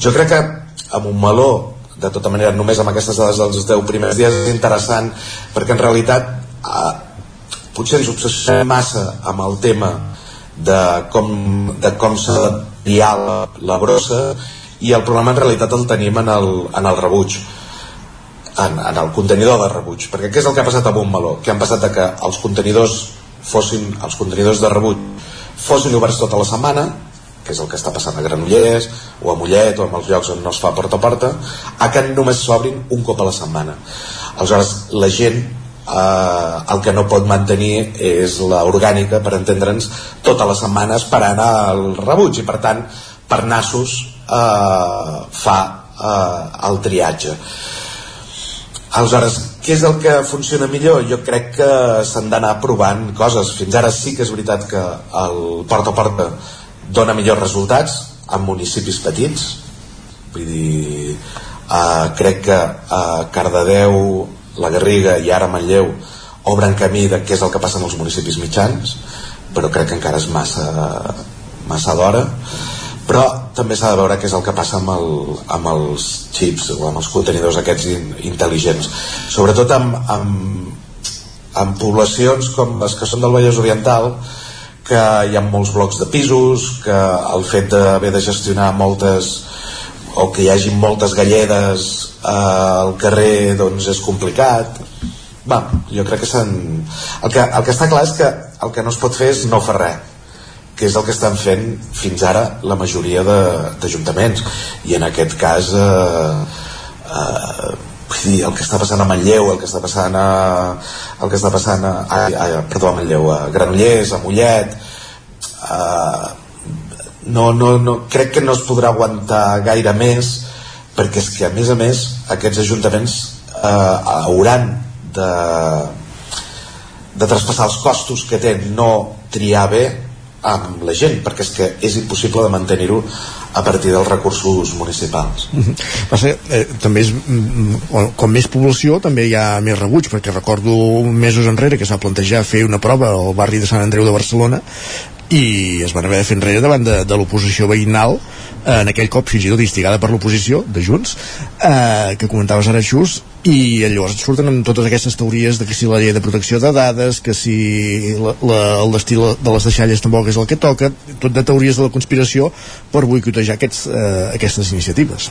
Pa Parlant de costos um, de fet un, un del cost gran de, de la taxa d'escombraries és per pagar les escombraries de fa uns anys. És a dir, per pagar la gestió dels lixiviats de quan no es feia cap mena de d'estriatge de, i llançar l'escombraria sencera doncs part del que estem pagant avui en dia és per arreglar tot el que vam fer malament fa, fa, moltes, fa moltes dècades. Vull dir que, que això també s'ha de tenir en compte és a dir, eh, s'ha fet malament durant molt, molt de temps anem arrossegant això, anem intentant arreglar-ho mica en mica I, i, i també és veritat que crec que aquest debat uh, aquesta tertúlia, que estem tenint ara si la féssim d'aquí 20 anys uh, el context seria completament diferent perquè és veritat que si ara hi ha a vegades reticències és sobretot, almenys des del meu punt de vista eh, i, i potser subjectiu i esbiaixat però costa més que aquest missatge cali amb generacions de l'edat uh, potser dels meus pares no? pensant en gent de 50-60 anys que amb les noves, eh, perquè almenys el que a mi em sembla és que cada vegada el jovent que puja té més consciència mediambiental i sobre el tema del canvi climàtic, no? El màxim exponent és Greta Thunberg, evidentment, però també a petita escala eh, veiem que cada vegada els nens i nenes eh, vigilen més i són més curosos amb tots aquests temes. Per tant, sortosament, o, o almenys a mi m'agradaria pensar eh, que aquest debat sobre els residus o, o sobre aquestes reticències que generen els nous models per reciclar de manera més eficient té data de caducitat perquè les generacions que vindran per darrere doncs eh, ja no seran eh, o ja no, ja no seran tan reticents a això a l'hora de que l'administració els colli a l'hora de separar bé les deixalles no sé, els que teniu fills més petits potser ho podeu corroborar o, o, no, o potser entre, vaig equivocada eh? és que entre la teva generació i la meva ja hi ha un canvi perquè tu has parlat que a l'escola et parlaven de les 3 R's a mi només em parlaven de reciclar la meva generació. Vull dir que ja ha anat, ja ha anat canviant eh? i, i del, del que parlàveu del rebuig? A mi, a mi em, a mi em fa la sensació que hi ha molt postureig entre, la, entre gent jove. Perquè l'altre dia per exemple llegia és a dir um, el, aquest discurs quan és la gent jove la primera consumidora per exemple de, de, de, de moda ràpida de, low, de moda low cost és la cosa més antiecològica que existeix uh, l'altre dia llegia unes dades que un, cada, cada telèfon mòbil que per tant vol dir telèfons mòbils, tabletes, etc etc etc. Uh, la, el, la petjada de carboni que deixa cada mòbil és al·lucinant en comparació amb el paper i, i em fa la sensació que la gent jove està més per uh, comprar mòbils que no pas per llegir llibres o llegir diaris aleshores allò, atenció també amb aquestes coses és a dir, que, que entre gent jove hi ha molt postureig mm, absolutament. Que hi hagi realment consciència mm, jo ho tinc molt ho dubto molt perquè no veig els joves per exemple en macroconcerts eh, dient-li eh, um, que li serveix una cervesa no, escolta, eh, no vull aquest got de plàstic o no vull aquesta llauna eh, dona'm un got de vidre però és que de fet molts llocs ja no, ja no hi és aquest tipus de gots eh? Vull dir, ara, ara te la, i, i te'l pots portar de casa, això sí, eh? jo, Sí, sí. jo ho he vist I, i el tema aquest del jovent hi ha una part perquè justament a Sant Joan l'escola ha fet una comissió verda i tot això i això vol dir que s'acaba el temps? Sí. Ah, doncs eh, en van comentar que, que això, que, que la gent jove hi ha un moment en què són mm, que ho rebutgen tot llavors eh, fins i tot això del tema del reciclar i que això, tercer quart d'ESO els hi costa molt però que esperen que això, que amb els anys això hagi calat No, jo amb el tema de, de, dels joves és com en totes les generacions. Jo, jo he estat molt temps visquent sol i no m'ha costat mai separar les deixalles i sempre senties l'argument de no, és que si vius sol no, no val la pena fer reciclatge home, és que no costa res, és que és, és, és així de simple. Però vaja, eh, com a totes les generacions hi, hi ha de tot i segurament que si més no el, el rum-rum segur que el tenen més que, que generacions eh, l'ha- l'han sentit més el rum-rum de que s'ha de tendir cap aquí perquè si no petarem tots que, que no pas les, les generacions anteriors. Gràcies a tots per ser-hi una setmana més. Txell Vilamala, Jesús Medina Joan Garcia i Ton Falqués. Hem fet una tertúlia montomàtica amb deixalles però ha estat molt interessant. Gràcies una setmana més, bon dia. Gràcies, bon dia. i acabem amb música. i acabem amb música com fem cada cada dia, de fet, fins a les 10 avui, eh, Pep Sala i Jonathan Argüelles, que són ara les dues cares visibles de, de Sau actuen a l'Atlàntida presentant aquest últim treball discogràfic sota el nom de, de Sau, recuperant la marca Sau. Mil i una nits i uns quants dies és aquest treball discogràfic amb cançons com Trossets de mi fins a les 10 al Territori 17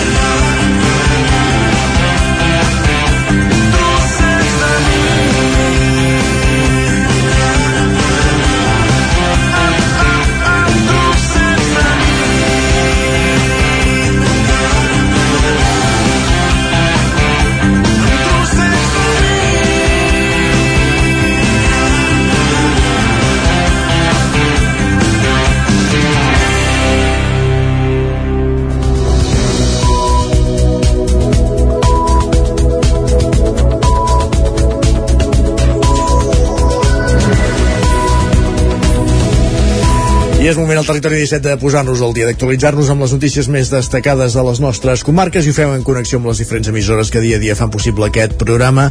La veu de Sant Joan, Ona Codinenca, Ràdio Cardedeu, Ràdio Vic, el 9FM. Ens podeu veure també a través de Twitch, YouTube i el 9 TV. Ja sabeu, el territori 17, el magazín de les comarques d'Osona, el Moianès, el Vallès Oriental i el Ripollès, per explicar-vos aquesta hora que un home és sancionat amb 80 euros per donar menjar als coloms de Ripoll i la CUP denuncia que s'ha de tenir més humanitat per aplicar les sancions.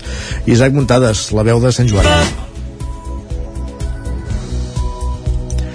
Aviam si podem recuperar ràpidament aquesta crònica de l'Isaac Muntades des de la veu de Sant Joan sobre aquesta sanció a Ripoll per donar menjar als coloms. Isaac. Un home gran va ser sancionat a Ripoll amb 80 euros per donar menjar als coloms al carrer, un fet que està prohibit a les ordenances municipals. Els fets van succeir el passat 31 de març de l'any 2021, tot i que la proposta de resolució sancionadora no va arribar fins a finals del mes d'abril d'enguany. Segons consta l'expedient sancionador, la policia local de Ripoll va localitzar el presumpte infractor assegut en un banc de la plaça de Bat Oliva mentre donava molles de pa als coloms per menjar. Més endavant, la persona sancionada va al·legar contra la incoació de l'expedient, dient que sabia que estava prohibit, però que patia càncer i era la seva manera de distreure's. Així mateix, també va demanar disculpes i va penedir-se dels fets. La infracció de donar menjar als animals a la via pública es castiga amb una sanció de fins a 750 euros, però atès que era lleu només se li va imposar una multa de 100 euros, la qual va rebaixar-se fins als 80 que va pagar per acollir-se a la reducció d'un 20% de la sanció per fer-ho ràpid. El regidor de l'alternativa per Ripoll CUP, Aitor Carmona, que va denunciar els fets, va apuntar que no hi havia res a dir en l'àmbit tècnico-legal, però que el tracte humà era millorable. Com s'especifica, quan els agents s'adrecen a aquesta persona, ell reconeix el que està fent, demana disculpes, diu que no ho tornarà a fer, fins i tot al·lega que pateix una malaltia greu, que és una cosa doncs, que l'ajuda a distreure's. No sé, ens sobta que hi haguin moltes sancions, a vegades certa laxitud, amb coses molt més greus, o hi ha mateixos decrets amb insults eh, de tots els agents, i, i al final queden amb sancions molt similars, i aquí en aquest cas, eh, ostres, creiem que primer els agents segurament haurien d'haver actuat d'alguna altra manera i llavors ens sobta doncs, que hagi arribat a la tramitació, a l'Ajuntament i al final s'hagi acabat imposant aquesta multa. L'alcalde Jordi Monell va contestar-li així. Jo sí que sé que va venir arrel d'una una denúncia ciutadana en aquest sentit i que, si no recordo malament, era una reiteració de diverses vegades i per tant suposo que algun dia va arribar el moment d'intentar això, no? Que, no, que, no, que no passés més, eh? perquè per l'altre costat l'alimentació de, les, de les espècies urbanes o les plagues urbanes està prohibida per ordenança. En tot cas revisarem això que diu vostè senyor Carmona per la part humana eh, que certament té raó en aquest sentit. Chantal Pérez d'Esquerra Republicana de Catalunya va reiterar que cal moderació i ponderació en l'aplicació de les sancions. Encara en política municipal però ara a Caldes de Montbui aquest Ajuntament ha congelat els impostos i les taxes municipals per l'any vinent que era el campàs zona codinenca Sí, els calderins no notaran un excessiu augment dels impostos que paguen durant el curs vinent. Així es va constatar en l'últim ple municipal de Caldes que es va celebrar de forma extraordinària el dia 23 d'octubre, durant el qual es va aprovar les ordenances fiscals per l'any 2023 amb els vots a favor de l'equip de govern d'Esquerra Republicana i l'abstenció de la resta de grups de l'oposició. Isidre Pineda, alcalde de, Cal de Caldes, parlava de la necessitat de contenció fiscal, tot i l'augment de preus al batlle, considera que cal fer un esforç per no repercutir encara més als contribuents. Fer contenció fiscal a dia d'avui és un exercici molt complicat. Mm, no diré que heroic, però, però gairebé, no només de l'Ajuntament de Caldes de Montbui, eh, de tots els ajuntaments del país, de tots els governs locals, i també fins i tot um, mantenir um, els preus traslladant aquesta esfera en una empresa doncs és molt complex alguns dels impostos més importants, com el de béns immobles, el de vehicles de tracció mecànica, la taxa d'aigua potable o clavegram es mantindran igual que aquest any. L'únic impost que pujarà concretament un 8,76% és la taxa de tractament i recollida d'escombraries. David Través, regidor d'Hisenda, detallava que l'increment es correspon al que el Consorci de Residus Comarcal ha aplicat a l'Ajuntament fer constar que tot i aquest augment del 8,76% encara tenim uh, un dèficit en aquesta taxa, diguem, i en aquest servei al voltant de 621.000 euros, uh, que correspon gairebé al 25% uh, del cost del, del servei. Això suposarà un increment d'un euro amb 40 cèntims per família. També s'ha pujat la taxa de les plaques de gual, que passarà de costar 17 a 25 euros, que és el preu de cost d'aquestes senyalitzacions. Gràcies, Caral. Més qüestions. Osona Energia, la cooperativa de segon grau que dona servei a les diferents cooperatives energètiques que s'han creat a la comarca d'Osona, ha guanyat el primer premi de la, del Germinador Social 2022. El guardó l'impulsa Som Energia i Fundació COP57 i se'ls ha atorgat en la categoria de comunitats energètiques i premia projectes que tenen com a objectiu impulsar accions per gestionar els residus, els recursos energètics en l'àmbit local d'una manera justa, eficient i sostenible, com la instal·lació de plaques solars. Osona Energia la va constituir inicialment les quatre primeres cooperatives energètiques que es, va, que es van construir a Osona, les de Taradell, Balanyà, Olost i Sant Pere.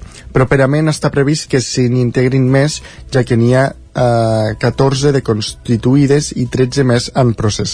Osona està esdevenint un referent a Catalunya en el procés de creació d'aquestes comunitats locals que s'han impulsat des de l'Agència Local d'Energia del Consell Comarcal. Més qüestions, anem cap al, tornem al Vallès Oriental, Eloi Prat, estudiant de Granollers, eh, impulsa un taller de cuina per a nois per trencar tòpics. Eh, Pol Grau, Ràdio Televisió Cardedeu. Eloi Prat, estudiant de Granollers, ha organitzat un curs de cuina adreçat a nois de menors de 25 anys. La proposta es portarà a la pràctica els dies 16 i 17 de novembre al restaurant Cunyes de Granollers, de 6 a 8 de la tarda. Aquest estiu, l'Eloi va obtenir una beca per viatjar a Àustria i participar en un curs internacional sobre igualtat, dins del qual va haver de dissenyar un projecte social que promogués la igualtat de gènere. La seva proposta va ser organitzar classes per a nois joves per tal que aprenguin a desenvolupar-se dins de la cuina del dia a dia. Partint endavant el projecte, Eloi ha tingut el suport del cuiner Llorenç Ramos, que impartirà les classes al seu restaurant Cuines del carrer Maria Sans de Granollers. També ha tingut la col·laboració de diversos comerços del mercat de Sant Carles, que porten els ingredients que s'utilitzaran. I, per exemple, entre aquests ingredients, entre aquest producte pot haver-hi la patata del bufet d'Uris. El relleu generacional preocupa els productors d'aquesta patata i a l'Ajuntament pateixen per garantir la continuïtat del tubercle i la del mercat que es fa cada octubre, Sergi. La 28a edició del Mercat va finalitzar aquest diumenge i ha recuperat el format i el nombre de visitants previs a la pandèmia.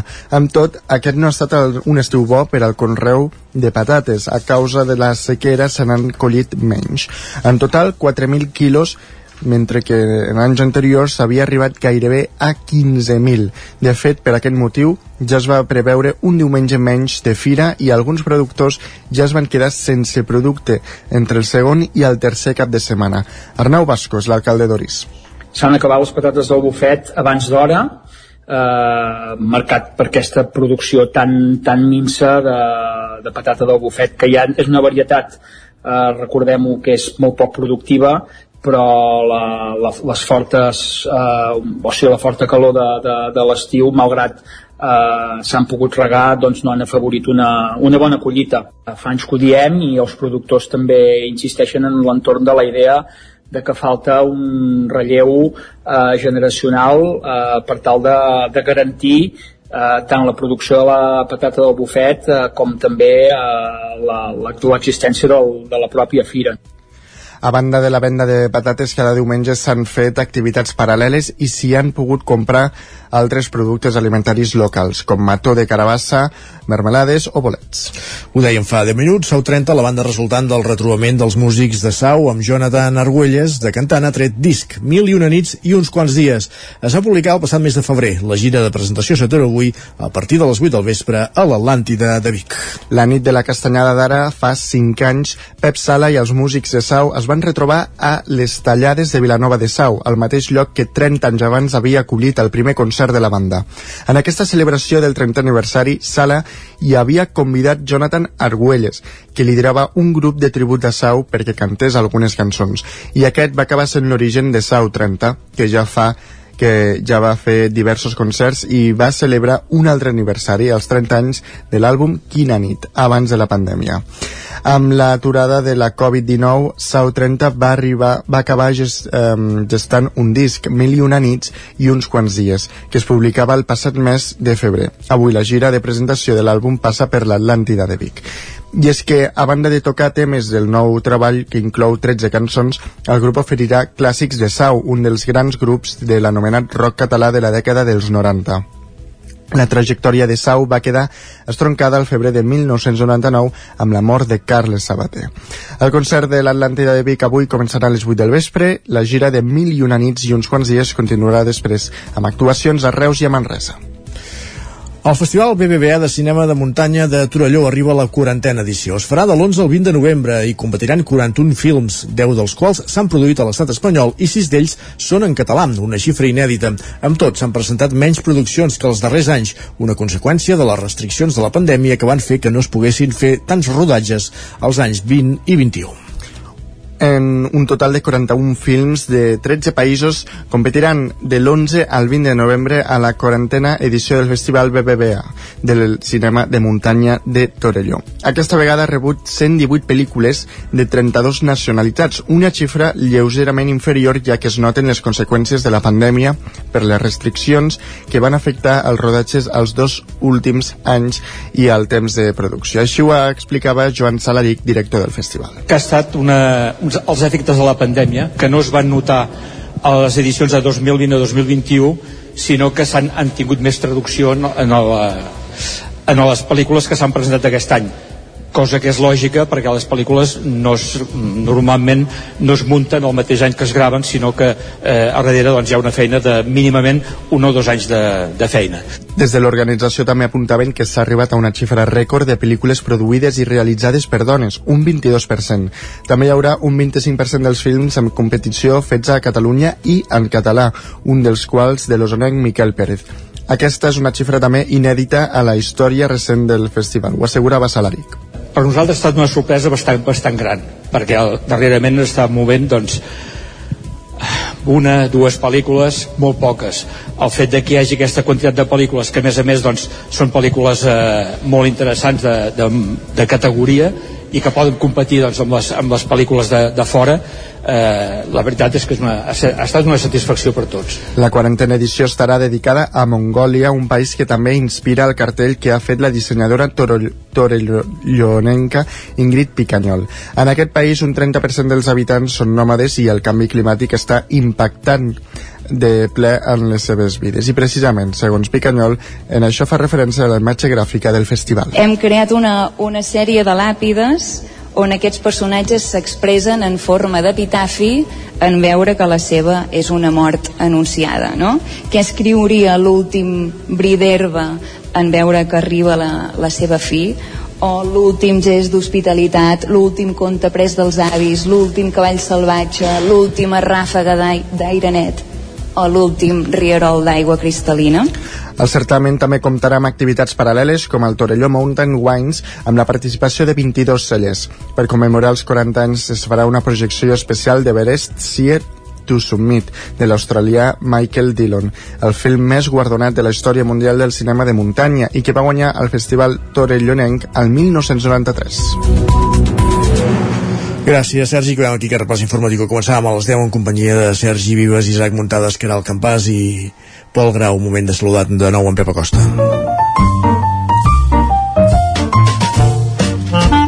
Casa Terradellos us ofereix el temps. L'home del temps del territori 17 que ja ens avançava un canvi de temps a partir d'aquest dissabte amb baixada de temperatures, Pep. Hola, molt bon dia. Què tal? El dia d'avui, igualment, molts pocs núvols, cap precipitació, però les temperatures ja dos o tres graus més baixes. Uh, si ahir encara es van aproximar els 30 graus quasi bé, avui ja la majoria màximes entre els 25 i els 27.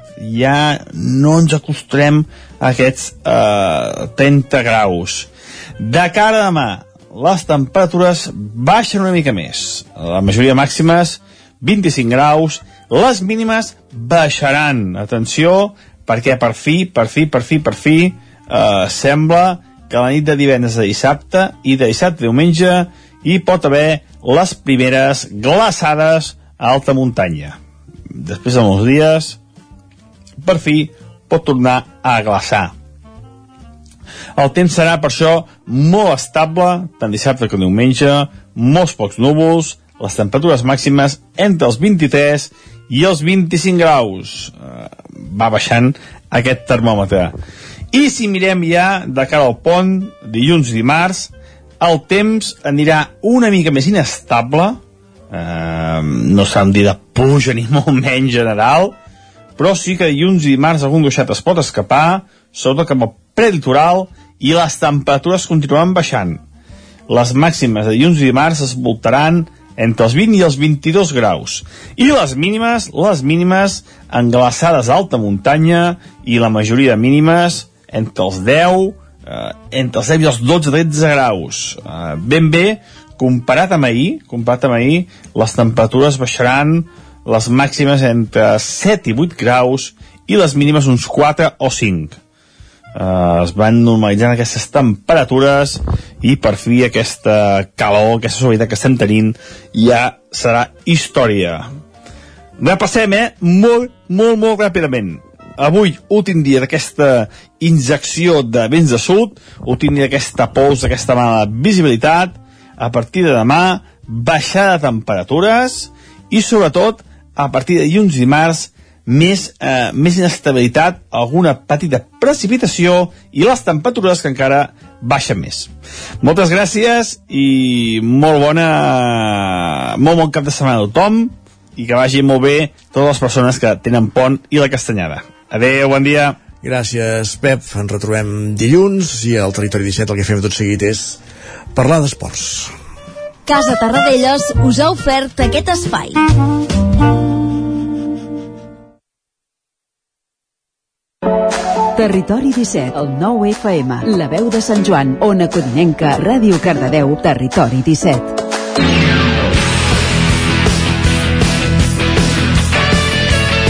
Dos minuts que passen d'un quart de 10, anem per feina que d'un quart d'onze, anem per feina que farem salat, anem a repassar l'agenda esportiva pel cap de setmana en connexió amb les diferents emissores del territori 17. Comencem la roda a Ràdio Televisió Cardeu.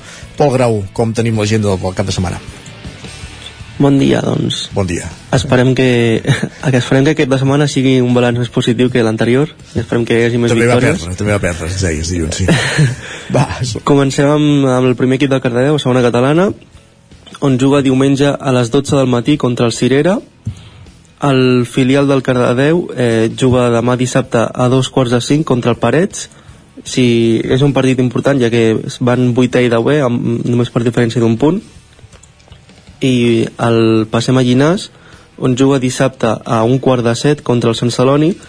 Partit més complicat, ja que el Llinàs juga contra el primer, Sant Celoni, i quart que va Llinàs amb 11 punts. Passem al Granollers, a primera catalana, on juga diumenge a les 5 de la tarda contra l'escola de futbol de Mataró, on també estan igualats, van un 6 i 12 només diferència d'un punt. I passem al bàsquet, a la Lliga EVA, on el Granollers juga dissabte a un quart de... Perdó, sí, juga dissabte a un quart de set, un quart de nou, contra el Plus Ultra Seguros. En canvi, el bàsquet Llinàs descansa aquesta setmana, i en, en, en vol, a la Lliga Sobal, el Granollers juga avui a dos quarts de, de nou contra el Club Balo- Balonmano Benidorm i per acabar el CAC 7 de femení eh, descansa aquest cap de setmana. Gràcies, Ja. Pol. Ja tenim Perfecte. el repàs, Ah, esperem parlem- que sigui positiu. Esperem que sí. Parlem més tard de l'agenda de cap de setmana. Fins ara. Fins després. I avancem cap a Sant Feliu de Codines, a una codinenca hi ha la Caral Campàs. Caral, eh, benvinguda de nou. Hola, bon dia. Mira, començo per l'hoquei. Uh, no disputa alcaldes ni les noies del Vigas, només tenim competició a segona divisió, a l'hoquei Lliga Plata Sur amb el Sant Feliu de Codines, que enfronta la segona jornada desplaçant-se a la pista del Lleidanet al Picat uh, per disputar demà dissabte a un quart de nou del vespre. I me'n vaig al futbol, a primera catalana. Al grup 1 tenim el Caldes, que es desplaçarà a la pista del Can Givert, a Girona, per disputar demà a un quart de cinc de la tarda. Els calderins estan fent un molt bon debut a primera, de fet ara són tercers amb 7 punts, però el Can Givert és segon, els de Girona són segons amb 9 punts. Per tant, partit d'alçada d'aquest eh, dissabte d'alcaldes a primera. I a tercera catalana, el grup 5, el Vigas rebrà el Sant Quirze de Besora demà a dos quarts de 5 de la tarda. El Vigas és cué, mentre que el Sant Quirze de Besora segur que sumarà 3 punts perquè està uh, molt amunt a la classificació. Quin vaticini, eh? No Ah, t'he vist, no vist mai tan convençuda d'un resultat abans Home. de, de jugar. és que el Vigas, eh, bé, sap greu eh, per ells, però des de que les porten sis jornades i ho han perdut tot. Clar. Uh, I és el seu debut a tercera, per tant, bé, s'està fent complicat. Um, veurem, veurem, veurem si es, si es manté el vaticini. Um, encara tercera catalana, el grup 5, el Mollà rebrà el Taradell, també dissabte a les 5 de la tarda. El Mollà que doncs, està fent un molt bon, una molt bona temporada uh, també aquí a, a, a tercera. Uh, el Mollà segueix uh, així com deia entre les tres primeres posicions uh, mentre que el Taradell està a la part mm, mitja de la taula um, uh, llavors també tenim partit del Sant Feliu de Codines que rebrà el Santa Eugènia per disputar diumenge a les 12 els codinencs uh, es disputen la segona i tercera posició amb el Mollà i estan empatats a 13 punts juntament amb el Sant Quirze de Besora i el Tona eh? per tant tenim uh, aquests uh, quatre equips aquí uh, competint per les primeres posicions empatats a 13 punts. Veurem com van aquests partits i com es va definint la classificació. I acabo a tercera catalana al grup 7 on tenim el Caldés que rebrà l'estació a l'estació diumenge a dos quarts de cinc de la tarda el Caldés és setè mentre que el rival està a la 14a posició Perfecte, dilluns veurem com ha anat el pla. Gràcies, Caral. molt bé, merci Fins ara. Anem cap a la veu de Sant Joan, Isaac Muntades, ràpidament. Bon dia. Doncs sí, ràpidament, eh, de fet, hi ha poca cosa aquesta setmana al Ripollès. Comencem per al futbol, el grup 18 de la tercera catalana, i és que aquest cap de setmana previ a Tots Sants el Camp de Bànol obrirà foc en un horari una mica estrany, serà avui mateix a les 9 del vespre s'enfrontarà a les Planes en un partit de, de que se celebrarà la Castanyada també. I els locals són segons doncs, amb 11 punts mentre que els garrotgins es troben onzens amb 8 i porten 3 partits sense perdre. En canvi el Camp de Bànol ve de perdre en la darrera jornada i per tant doncs, eh, haurà de recuperar la, la, la senda de la victòria, el camí de la victòria. La Badesenc jugarà aquest dissabte a les 4 de la tarda contra el Santa Pau. Els Sant Joanins són quarts i també tenen 11 punts mentre que els garrotxins són 17ens amb 4 un rival propici per guanyar eh, ja que encadena 4 derrotes consecutives tot i que la Badesenc també va caure en el darrer partit. I el Camprodon amb 9 punts jugarà contra el Sarrià de Ter també a les 4 de la tarda d'aquest dissabte que és un equip que va a 13 a la classificació amb 7 punts i, i sí que ve d'una victòria per tant un rival una mica més en forma. Uh, dir-vos que no hi ha partit de la Lliga Nacional Catalana d'Hockey uh, de l'Hockey Club Ripoll, no juga aquesta setmana. Sí que ho fa l'escola de futbol sala Ripoll Cervicat a la primera nacional de futbol sala aquest diumenge a les 7 de la tarda contra el Batània Panmos, el campió de l'any passat a, a casa, els ripolleros són onzens amb 3 punts i necessiten guanyar per sortir de la zona baixa, el seu rival mentrestant és setè amb 5 punts i per tant ara mateix un rival directe que no ha fet un inici de temporada gaire bo, a veure si el Ripoll doncs, pot aconseguir una nova victòria. Molt bé, Isaac, doncs moltíssimes gràcies. Parlem més tard. Fins després. Fins ara. I acabem aquest recorregut als estudis del 9FM, on hi tenim l'Ester Rovira. Benvinguda, Ester, bon dia. Bon dia. Com tenim l'agenda pel cap de setmana?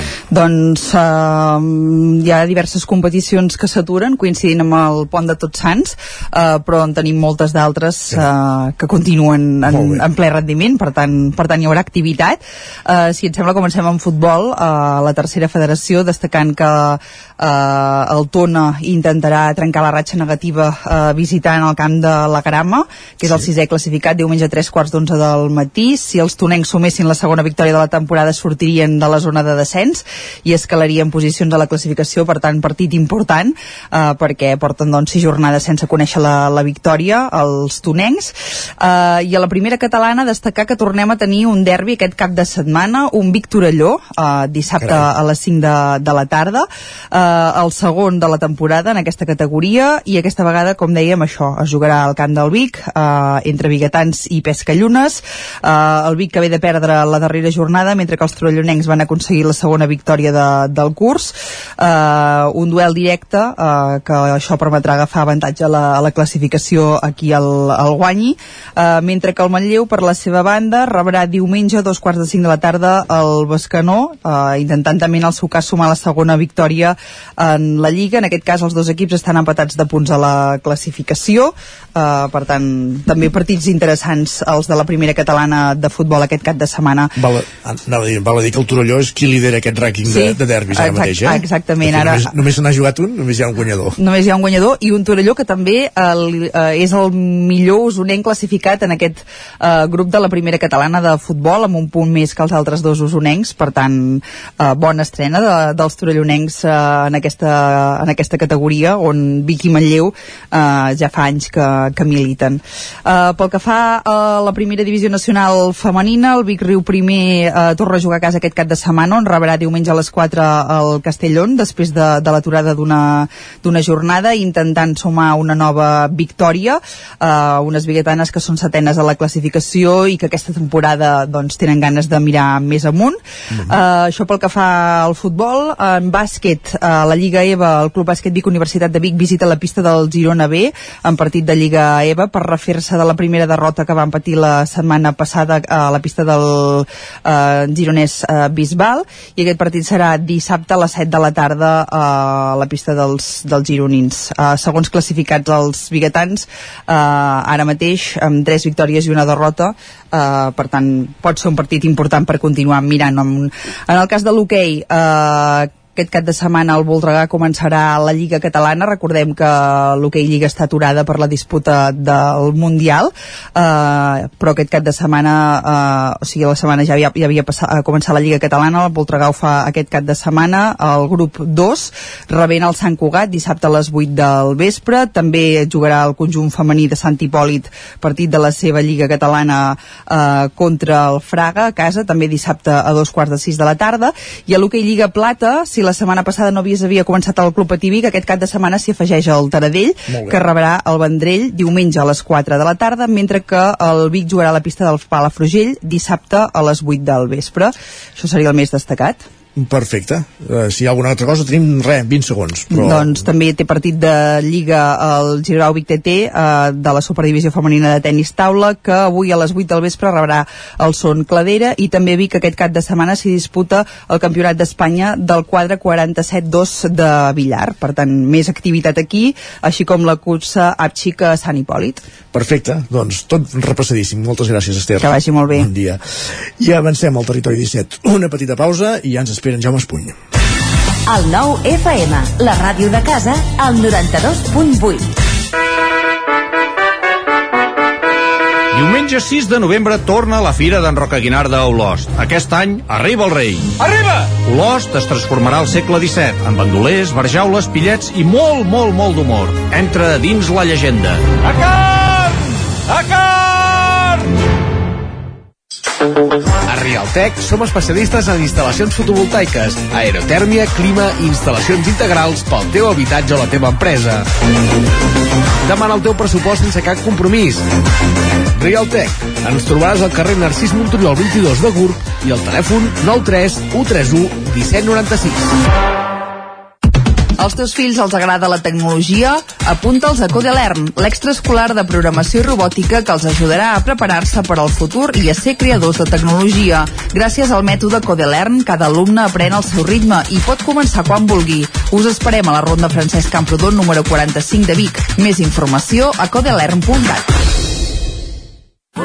Passema, comercial de maquinària i utillatges amb més de 50 anys al vostre servei. Visiteu la nostra botiga i trobareu productes de gran qualitat. Passema, som al polígon Sot dels Pradals, al carrer Cervera 10 de Vic. Telèfon 93 885 32 51. Ja tens la teva disfressa de Halloween? A Manli tenim les més terrorífiques. Vine a buscar caretes i tots els complements que et calguin per passar una nit de por. Ens trobareu al carrer de Ramon Soler número 1 de Vic i també a manli.cat. A Manli fem de la festa una bogeria. Cobertes serveis funeraris. Els nostres tanatoris estan ubicats en els nuclis urbans més poblats de la comarca d'Osona per oferir un millor servei. Tanatori de Vic, Tanatori de Manlleu, Tanatori de Centelles i Tanatori de Roda de Ter. Sabem que són moments difícils i per això el nostre compromís és atendre-us en tot moment amb un tracte humà, sensible i respectuós. Cobertes serveis funeraris. Telèfon 24 hores 93 883 23 46. Amb Pradell estalvio energia i cuido la meva butxaca i el medi ambient. Posa't en mans a Pradell, són experts en calderes de gas i condensació, estufes de pèl·let, energia solar, terres radiants i geotèrmia. Pradell instal·la calderes de biomassa per a particulars i per a empreses. Si vols estalviar un 50% en consum, contacta amb Pradell i passa't a les energies renovables. Pradell, som a l'Avinguda Països Catalans 27 de Vic. Telèfon 93 885 11 97. Pradell.cat. El nou FM, el nou FM, el nou FM, el nou En punt, dos quarts d'onze, clàssics musicals avui, Beatles. One, two, three, four. One, two. Let me tell you how it will be. There's one for you, 19 for me.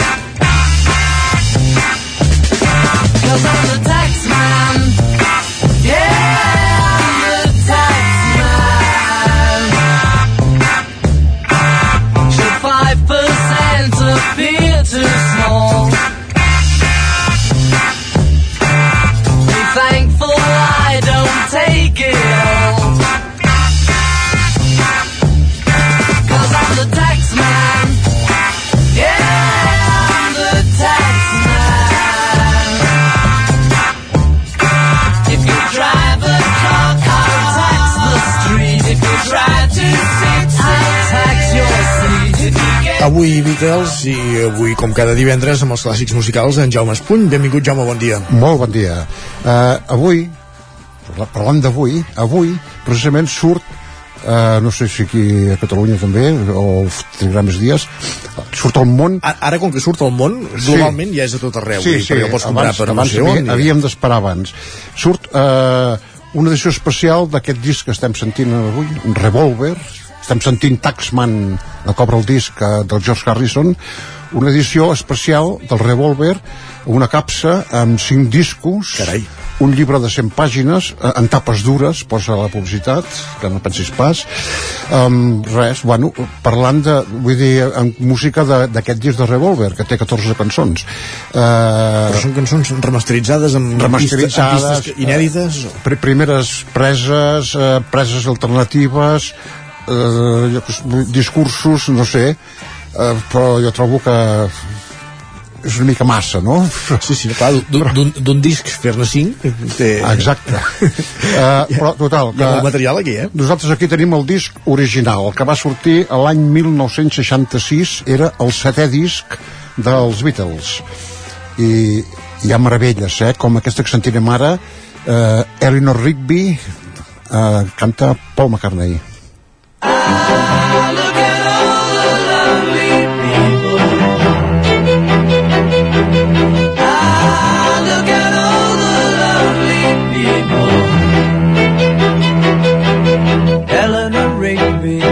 Up the rice in the church where a wedding has been.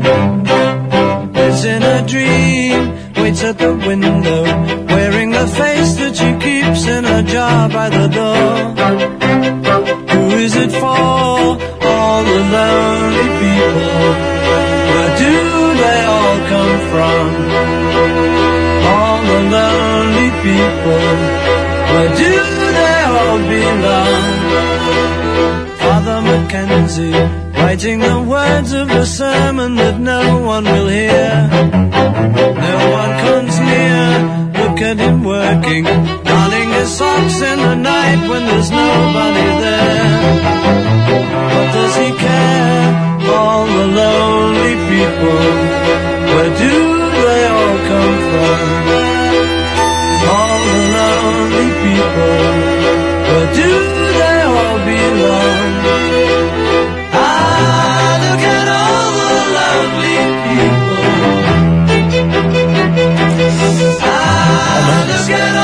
Una joia i una peça molt coneguda dels Beatles. molt coneguda, però eh, això l'any 1900, sentir això el 1966 d'un grup de rock, de pop rock, com, com eren els Era una Beatles. revolució. Exacte, perquè si s'ho ha fixat bé, eh, només se senten violoncels i violins, ni, ni, ni una bateria, ni una guitarra elèctrica, ni res. Uh, uh, aquesta cançó Eleanor Rigby uh, era, un nom, era un nom que hi havia que un dia que el Paul McCartney anava, va anar a un cementiri va veure un nom, Eleanor Rigby i es va inspirar a partir d'aquí doncs, eh, amb aquesta cançó Caram. els crítics més, més puretes, més puristes diríem, eh, diuen que aquest és el millor disc dels Beatles de fet va trencar molt amb el sisè que era Robert, Robert Soul Mhm. i va començar eh, una... de fet a partir d'aquest any no van actuar més en directe ja tampoc, sinó es van dedicar molt a, a l'estudi no? eh, el disc ja, són 14 cançons i, eh, no hi ha cap desaprofitable però hi ha una, una mica de cunyeta mm, diríem, una cançó que s'ha fet es va fer molt famosa eh, una cançó que, que diu el Paul McCartney, que és de Paul McCartney però que la canta el Ringo, que diu que la va somiar. Eh, i van necessitar molts dies per gravar-la. És el, el Yellow Submarine el submarí groc. In the town where I was born lived a man who sailed to sea, and he told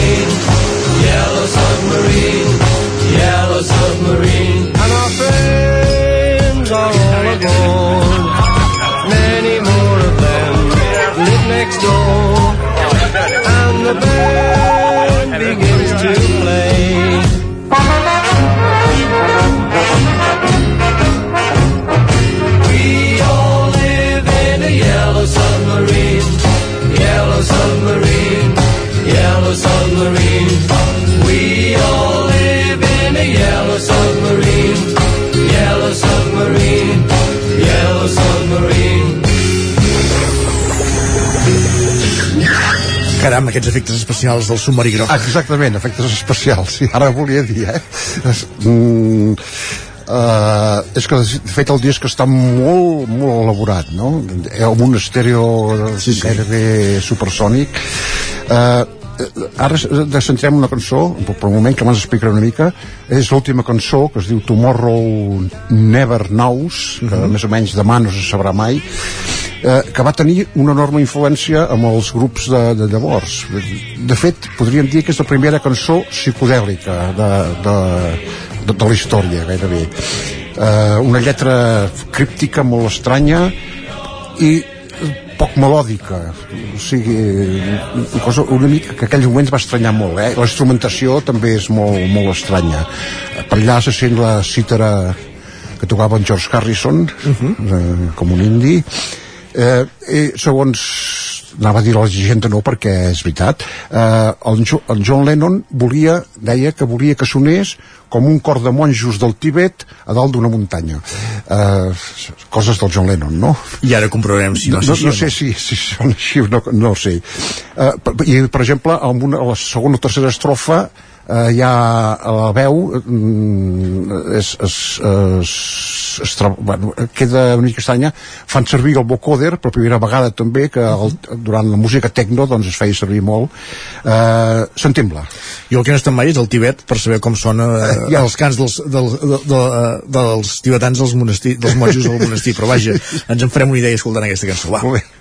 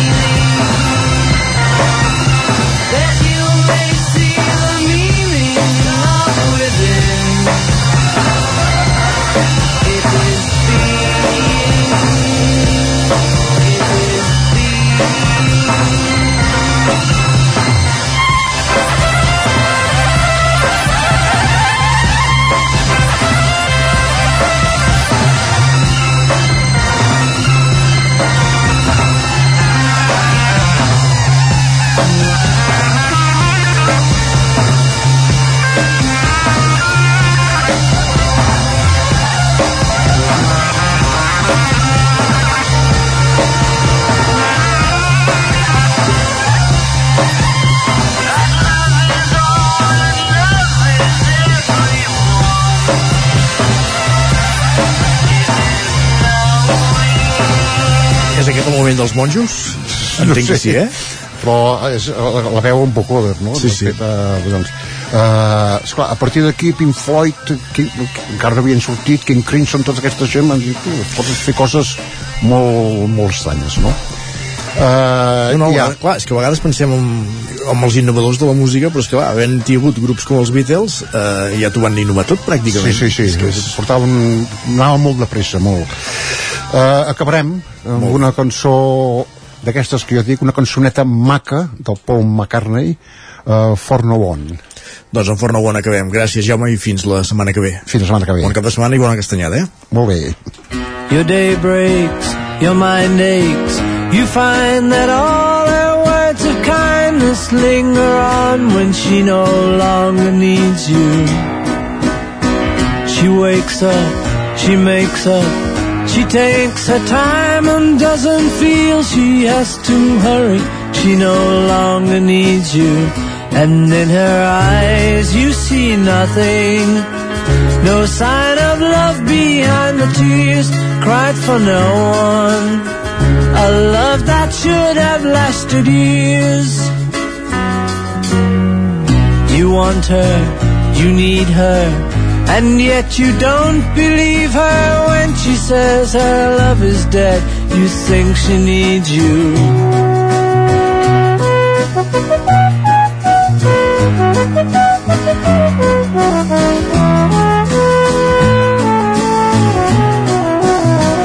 And in her eyes you see nothing. No sign of love behind the tears cried for no one. A love that should have lasted years. You stay home, she goes out. She says that long ago she knew someone, but now he's gone, she doesn't need him. Your day breaks, your mind aches. There will be times when all the things she said will fill your head. You won't forget her. And in her eyes you see nothing. No sign of love behind the tears cried for no one. A love that should have lasted years. Doncs amb els Beatles acabem, deixem enrere ja el clàssic, anem cap a l'agenda.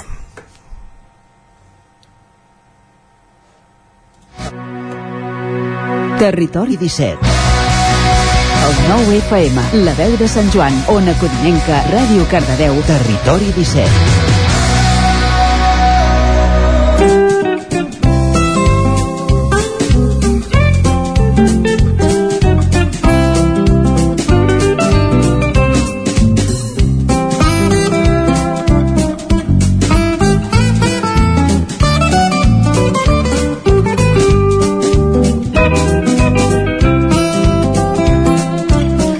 L'agenda que fem que és un recorregut que fem per les emissores del territori 17 comencem a Ràdio Televisió Cardedeu allà ens espera de nou en Pol Grau Pol, benvinguts Uh, l'agenda Bon esportiva n'hem parlat abans anem per l'agenda d'actes culturals d'oci del cap de setmana què, què et trobem aquest cap de setmana?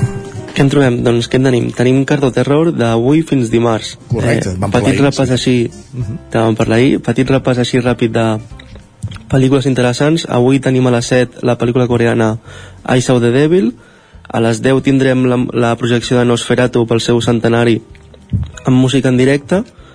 Demà i diumenge, de 10 a 10, tenim el vuitè mercat del cinema. A la, a la nit, a la, el dissabte a les 10, tindrem la projecció especial de Sitges amb la pel·lícula de l'Air.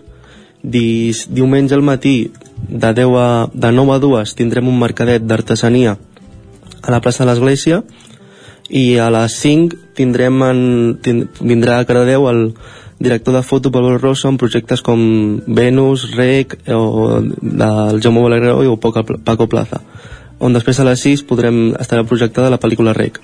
A les 10 tornarem amb sessió especial de Sitges amb Project Wolf Hunting i amb dilluns la sessió especial de Halloween pels més petits també, pel·lícules com Beetlejuice i acabem amb dimarts a les, a les 5 de la tarda tindrem el, com cada any la gravació del podcast de Maria Nocturna amb els integrants com Jordi Sánchez o el director de, del Festival de Sitges Maria Nocturna Ai, el, el director del Festival de Sitges de l'Àngel Sala Perfecte.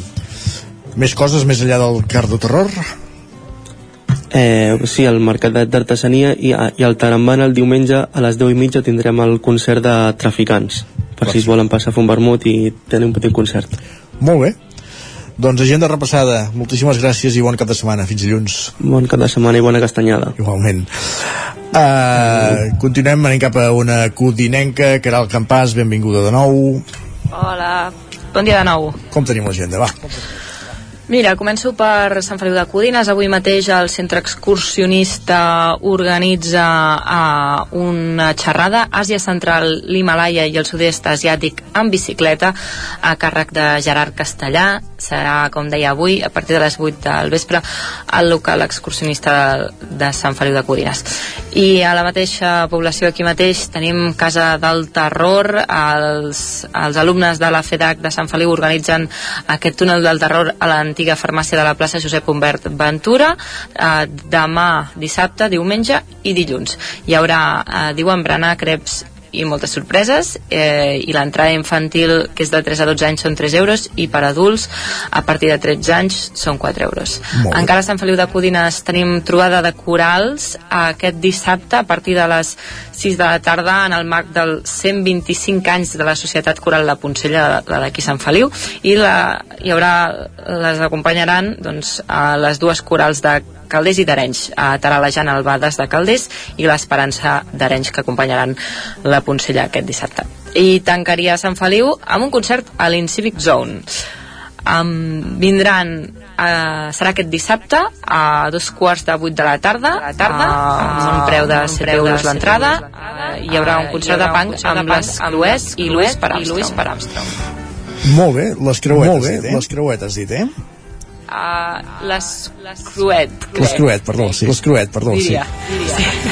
No, no les conec, no, no les conec jo. Doncs les sentim, doncs les sentim.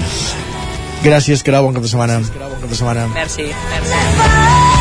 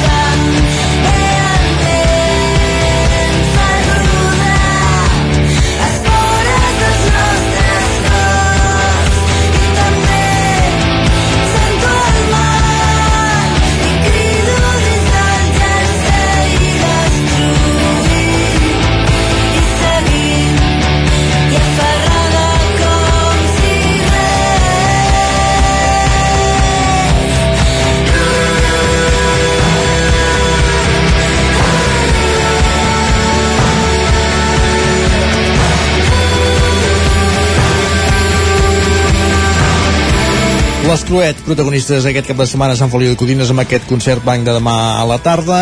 Continuem aquest recorregut per les emissores del Territori 17 i ara la veu de Sant Joan, Isaac, què ens depara bon dia. setmana? Doncs hi ha bastantes activitats, eh, si us sembla comencem per, a, per avui a, a Ripoll en què hi haurà el concert especial de Tots Sants amb la Copla i Veus de l'Orquestra Salvatana a dos quarts de deu de la nit al Teatre Comtal en què, també es farà un reconeixement al sardanista Pere Buixeda i Casa de Sus. Encara a Ripoll us recordem que aquest dissabte tindrà lloc la presentació del llibre L'habitatge tradicional dels Pirineus catalans al Museu Etnogràfic a dos quarts de set de la tarda, una xerrada i presentació a càrrec de la tècnica i responsable patrimoni cultural del Parc Natural dels Pirineus Catalans eh, de la Catalunya Nord, Cristel Fro, i també del traductor del llibre de la llengua catalana, Santi Llagostera. I aquest dissabte a Llanàs es farà l'11è concurs comarcal del cavall pirinenc català a la zona esportiva del municipi. Es donarà doncs, un premi a les categories de sobrany, sobranya, terçó, terçona, euga i cria, quartons i semental, amb un concurs morfològic que serà a les 10 del matí i també hi haurà servei de restauració de carn de poltre al llarg de tota la jornada. També dissabte, homenatge a la pastora Marina Vilalta Bruguera, dos quarts de 12 del matí, amb un acte institucional de reconeixement per la Creu de Sant Jordi, que comptarà doncs, amb música dels Rendallaires i un acte d'inauguració de la remodelació de la plaça i descoberta també de la placa commemorativa. I aquest dissabte aquí a Sant Joan de les Abadeses se celebrarà la Fira de Tardor a partir de les 10 del matí al passeig Comte Guifré, que s'omplirà doncs, de, de castanyes, d'animació, de tallers, parades i botigues al carrer, també hi haurà uh, un lloc per uh, llançar-se per fer fotografies i activitats també per totes les edats. La proposta arriba després de, de l'èxit de la fira celebrada per primer cop l'any passat de la mà de, de la Unió de Botiguers i de l'Ajuntament de Sant Joan, que també col·labora doncs, la, fi, la, les fires del, del Ripollès, la Ullera, el Consorci de Comerç, Artesania i Moda de Catalunya i la Diputació de Girona. A Camprodon, dissabte a dos quarts de sis al matí a l'Espai Cultural de Can Marquès es farà una exposició de pintura de, jo, de Jordi Ricard i a les 7 a l'Església del Carme el grup de cambra fèmina i els cors polifònica Joia de Lleida, Nova Gara de Terrassa i Adelaisa de Ripoll presentaran l'òpera en format concert d'Orfeo Euridici amb l'Escola de Dansa de Ripoll. Uh, dues coses per acabar, de diumenge, que es fa la Milanyada, que és una caminada a Vallfont al Ripollès, és la novena edició amb recorreguts de 13 i 18 quilòmetres i mig amb esmorzar i avituallaments i també diumenge hi haurà una lectura dramatitzada un tastet d'autors a la Torre de mossèn Tor de Can Bànol a les 7 de la tarda a càrrec de Jesús Zapata i música eh, que anirà a càrrec de Jordi Ballesteros i encara dilluns dir-vos que hi haurà a Can Bànol el Halloween versus Castanyada on els nens es podran maquillar davant de l'Ajuntament a partir de les 5 de la tarda i a les 7 arrencarà la Rua del Terror pels carrers del poble i també hi haurà un concurs fotogràfic doncs tot això en aquests tres dies de cap de setmana, més el dilluns que hi ha qui fa pont. Gràcies, Isaac, bon cap de setmana. A vosaltres, adeu. I continuem aquest recorregut, l'acabem de fer als estudis del nou FM. Aquí ens hi esperen en Miquel R i en Jordi Vilarrodà. Aquí ja saludem. Benvinguts tots dos. Hola, molt bon dia. Bon dia. Qui comença avui, va? Doncs va, avui començarem per la part, eh, diguem, d'arts escèniques eh, i, i ho farem amb una estrena que més que estrena de fet és, és l'ocasió única per veure una, una obra eh, es tracta de La nit del ritual La nit del ritual es veurà en el Teatre Sirvianum aquest dissabte i diumenge i és una posada en escena d'alguna manera de la festa del Pollasso. O sigui, en la festa del Pollasso, ho explico pels no torellonencs, és la festa prèvia al Carnaval, la que es fa la nit del dijous gras, que és com la iniciació de tots els actes del Carnaval i aquesta festa té el seu origen l'any 1998 eh, amb una idea boja que tenen en aquell moment en Xavi Capdevila i en Gerard López. I aquesta idea boja doncs al final acaba sent la festa del Pollasso que encara perviu precisament en Xavi Capdevila, un dels seus creadors és un dels que impulsa ara doncs aquesta posada en escena amb un grup que és l'Estrès Fu o l'Estrès Fu, això no acaben de saber ben bé ni ells com es pronuncia pronuncia i que integren a part d'ell també l'Eduard Pujol i el David Ceballos això eh, serà doncs d'alguna manera una explicació en teatre de com es va gestar això, de com va néixer la boja idea diguem, i a partir d'aquí doncs eh, a partir d'ells a més a més hi intervenen doncs altres eh, altres actors, altres músics. Hi ha la coral lloreana jove hi ha l'orquestra eh, Cobla Canigó reforçada amb, amb músics de rock. En total serà gairebé mig centenar de persones a l'escenari i per qui no sigui de Torelló doncs suposo que li donarà algunes pistes per entendre allò tan complicat de veure exactament qui és eh, perquè el rei Carnestoltes això ho sap tot Catalunya qui és el rei Carnestoltes. Però esclar, quan entrem a Torelló que ja hem d'explicar qui és en Margalef qui és eh, la guitatita jo, jo em sembla que en aquestes alçades ja tothom ens dona per perduts. La Fortiana la Marrana en Xapot el Bruixot que és el forjador del Falatell. Eh, en fi, eh, tot això ja eh, precisament ho fan per això, per poder explicar una mica tot això que, que ja, ja s'us dona per perduts, eh? Exacte. Diguem. doncs, doncs per veure el Pollasso eh, a l'escenari dissabte a les 8 del vespre i diumenge a les 6 de la tarda al Teatre Sirviano. I ara una altra cosa més coneguda, diguem, aquesta és, ja no és, no és cap estrena, precisament. Eh, Sau 30, Sau 30 és el grup que eh, es crea l'any 2018 eh, amb els músics originals de Sau per eh, recordar doncs, que feia 30 anys a la creació del grup que van fer en Pep Sala i en Carles Sabater i eh, fer un exercici nostàlgic tocant només cançons de Sau. Allò havia de ser una cosa doncs, que havia de durar un any com a molt. De fet, es va estrenar a l'Atlàntida, van fer un concert al Teatre del Liceu, que havia de ser com el final, ja, el març de 2019, però van anar sortint, van anar sortint bous, van anar continuant, van anar continuant, amb el Jonathan Argüelles de cantant, que és el que fa el paper de Carles Sabater, per entendre'ns, i bé, ve la pandèmia tot s'atura però ells aprofiten per mm, fer cançons noves. O sigui, no només recuperar les de Sau de tota la vida, sinó fer-ne algunes de noves. D'aquí surt un disc que es diu Mil i una nits i uns quants dies i s'acaba la pandèmia i la gira continua. O sigui, i va continuant, de fet ells no s'atreveixen a dir això s'acaba. Però ara passen per l'Atlàntida aquest estiu han fet festes majors eh, ara tornen a l'Atlàntida amb un format de teatre amb les cançons de Sau i amb les cançons d'aquest disc que van fer que es diu Mil i una nits i uns quants dies. Uh, una formació més petita però amb els músics, músics originals diguem de Sau, el Ramon Altimir, el Pep Sánchez el Josep Lluís Pérez en Pep Sala i en Jonathan Argüelles com a cantant. Avui ompliran l'Atlàntida, perquè de fet quedaven, eh, ho van, ho van mirar abans d'ahir, quedaven, no quedaven gaires entrades per vendre, eh? No quedaven gaires entrades per vendre l'Atlàntida, o sigui que eh, nostàlgia, exercici nostàlgic. Sí, totalment. Eh, i si tenim temps un, uh, un apunt més que tenim un dels uh, grans grups de teatre d'Andalusia i de l'estat espanyol que es diu Atalaya Teatro. Ja havien passat per Vic amb una revisió de l'Electra del clàssic grec eh, i ara hi tornen uh, serà aquest dissabte a les 8 del vespre amb una altra revisió de clàssic que és la Bar de Molière eh, la Bar, perquè en aquest cas és en castellà amb ocasió del quart centenari del naixement de Molière i francament veure Atalaya Teatro és un veure un dels millors grups de teatre de l'estat espanyol en aquest moment que passa per l'Atlàntia. Molt bé, Miquel. Quanta estona em deixes? Tens, mira, tants com un minut i mig. Molt bé, doncs mira, ho focalitzaré en dues propostes. Una perquè aquest és el quart i últim cap de setmana del programa del Coll Sacabra Viu, aquest, aquest projecte, diguéssim, que comparteixen els municipis del Coll Sacabra, itinerant per, pels diferents municipis, eh, i aquest cap de setmana fa parada l'últim a Tabertet i ho fa amb una de, proposta especialment destacada que és l'estrena, la inauguració de l'anomenada la, Runa, Ruta Pàniker mm -hmm. uh, és una mica un, un homenatge a aquest, aquest fill adoptiu gairebé de Tabertet, eh? recordem aquest filòsof i teòleg mort l'any 2010 i els últims anys resident al poble i per tant se li dedica una ruta a partir una mica de, dels seus pensaments, de la seva filosofia que es podrà recórrer per tot el poble això és un acte que és dissabte a la, a la tarda a partir de les 5 de la tarda amb la presència presència també de l'Antoni Bassas periodista que també el va conèixer i entrevistar sovint la, en els últims anys de, de la seva trajectòria. Això seria un, i l'altre faig una mica d'excepció, parlava l'Isaac també d'aquest cap de setmana llarg, per tant no parlaré tant de divendres i de diumenge, sinó un acte de dilluns, que, perquè quedi constanciària. Correcte, nit de bruixes i en el cas de Viladrau, Ball de Bruixes aquest any una representació especial també perquè arriba a la 25a edició jo diria d'una de les festes de, dedicades eh, el fenomen de la bruixeria eh, cada, que ha esdevingut més emblemàtic de la comarca precisament perquè rememora uns fets reals ocorregut, ocorreguts al segle XVII eh, al poble quan es van justiciar i condemnar a mort 14 veïnes. Per tant un moment d'emoció però també un moment eh, diguéssim folclòricament molt intens eh, dilluns al vespre amb dues sessions a les 9 i a dos quarts d'onze de la nit. Doncs totes aquestes propostes la significació del Pollasso, Sau 30 la nit de Bruixes, el Coll de Cabra Viu moltíssimes gràcies Jordi Vilarrodà Jordà i Miquel Erro també. Gràcies. Bon dia. I amb l'agenda que acabem al territori 17 d'aquest divendres 28 d'octubre de 2022.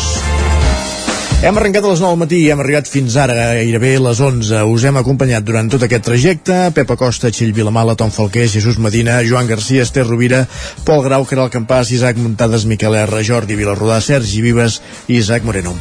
Dilluns hi serem, no farem pont. A partir de les 9 serem aquí i fins aleshores, molt bon cap de setmana a tothom i gràcies per ser-hi. Territori 17, un magazín del nou FM. La veu de Sant Joan, Ona Codinenca i Ràdio Cardedeu amb el suport de la xarxa.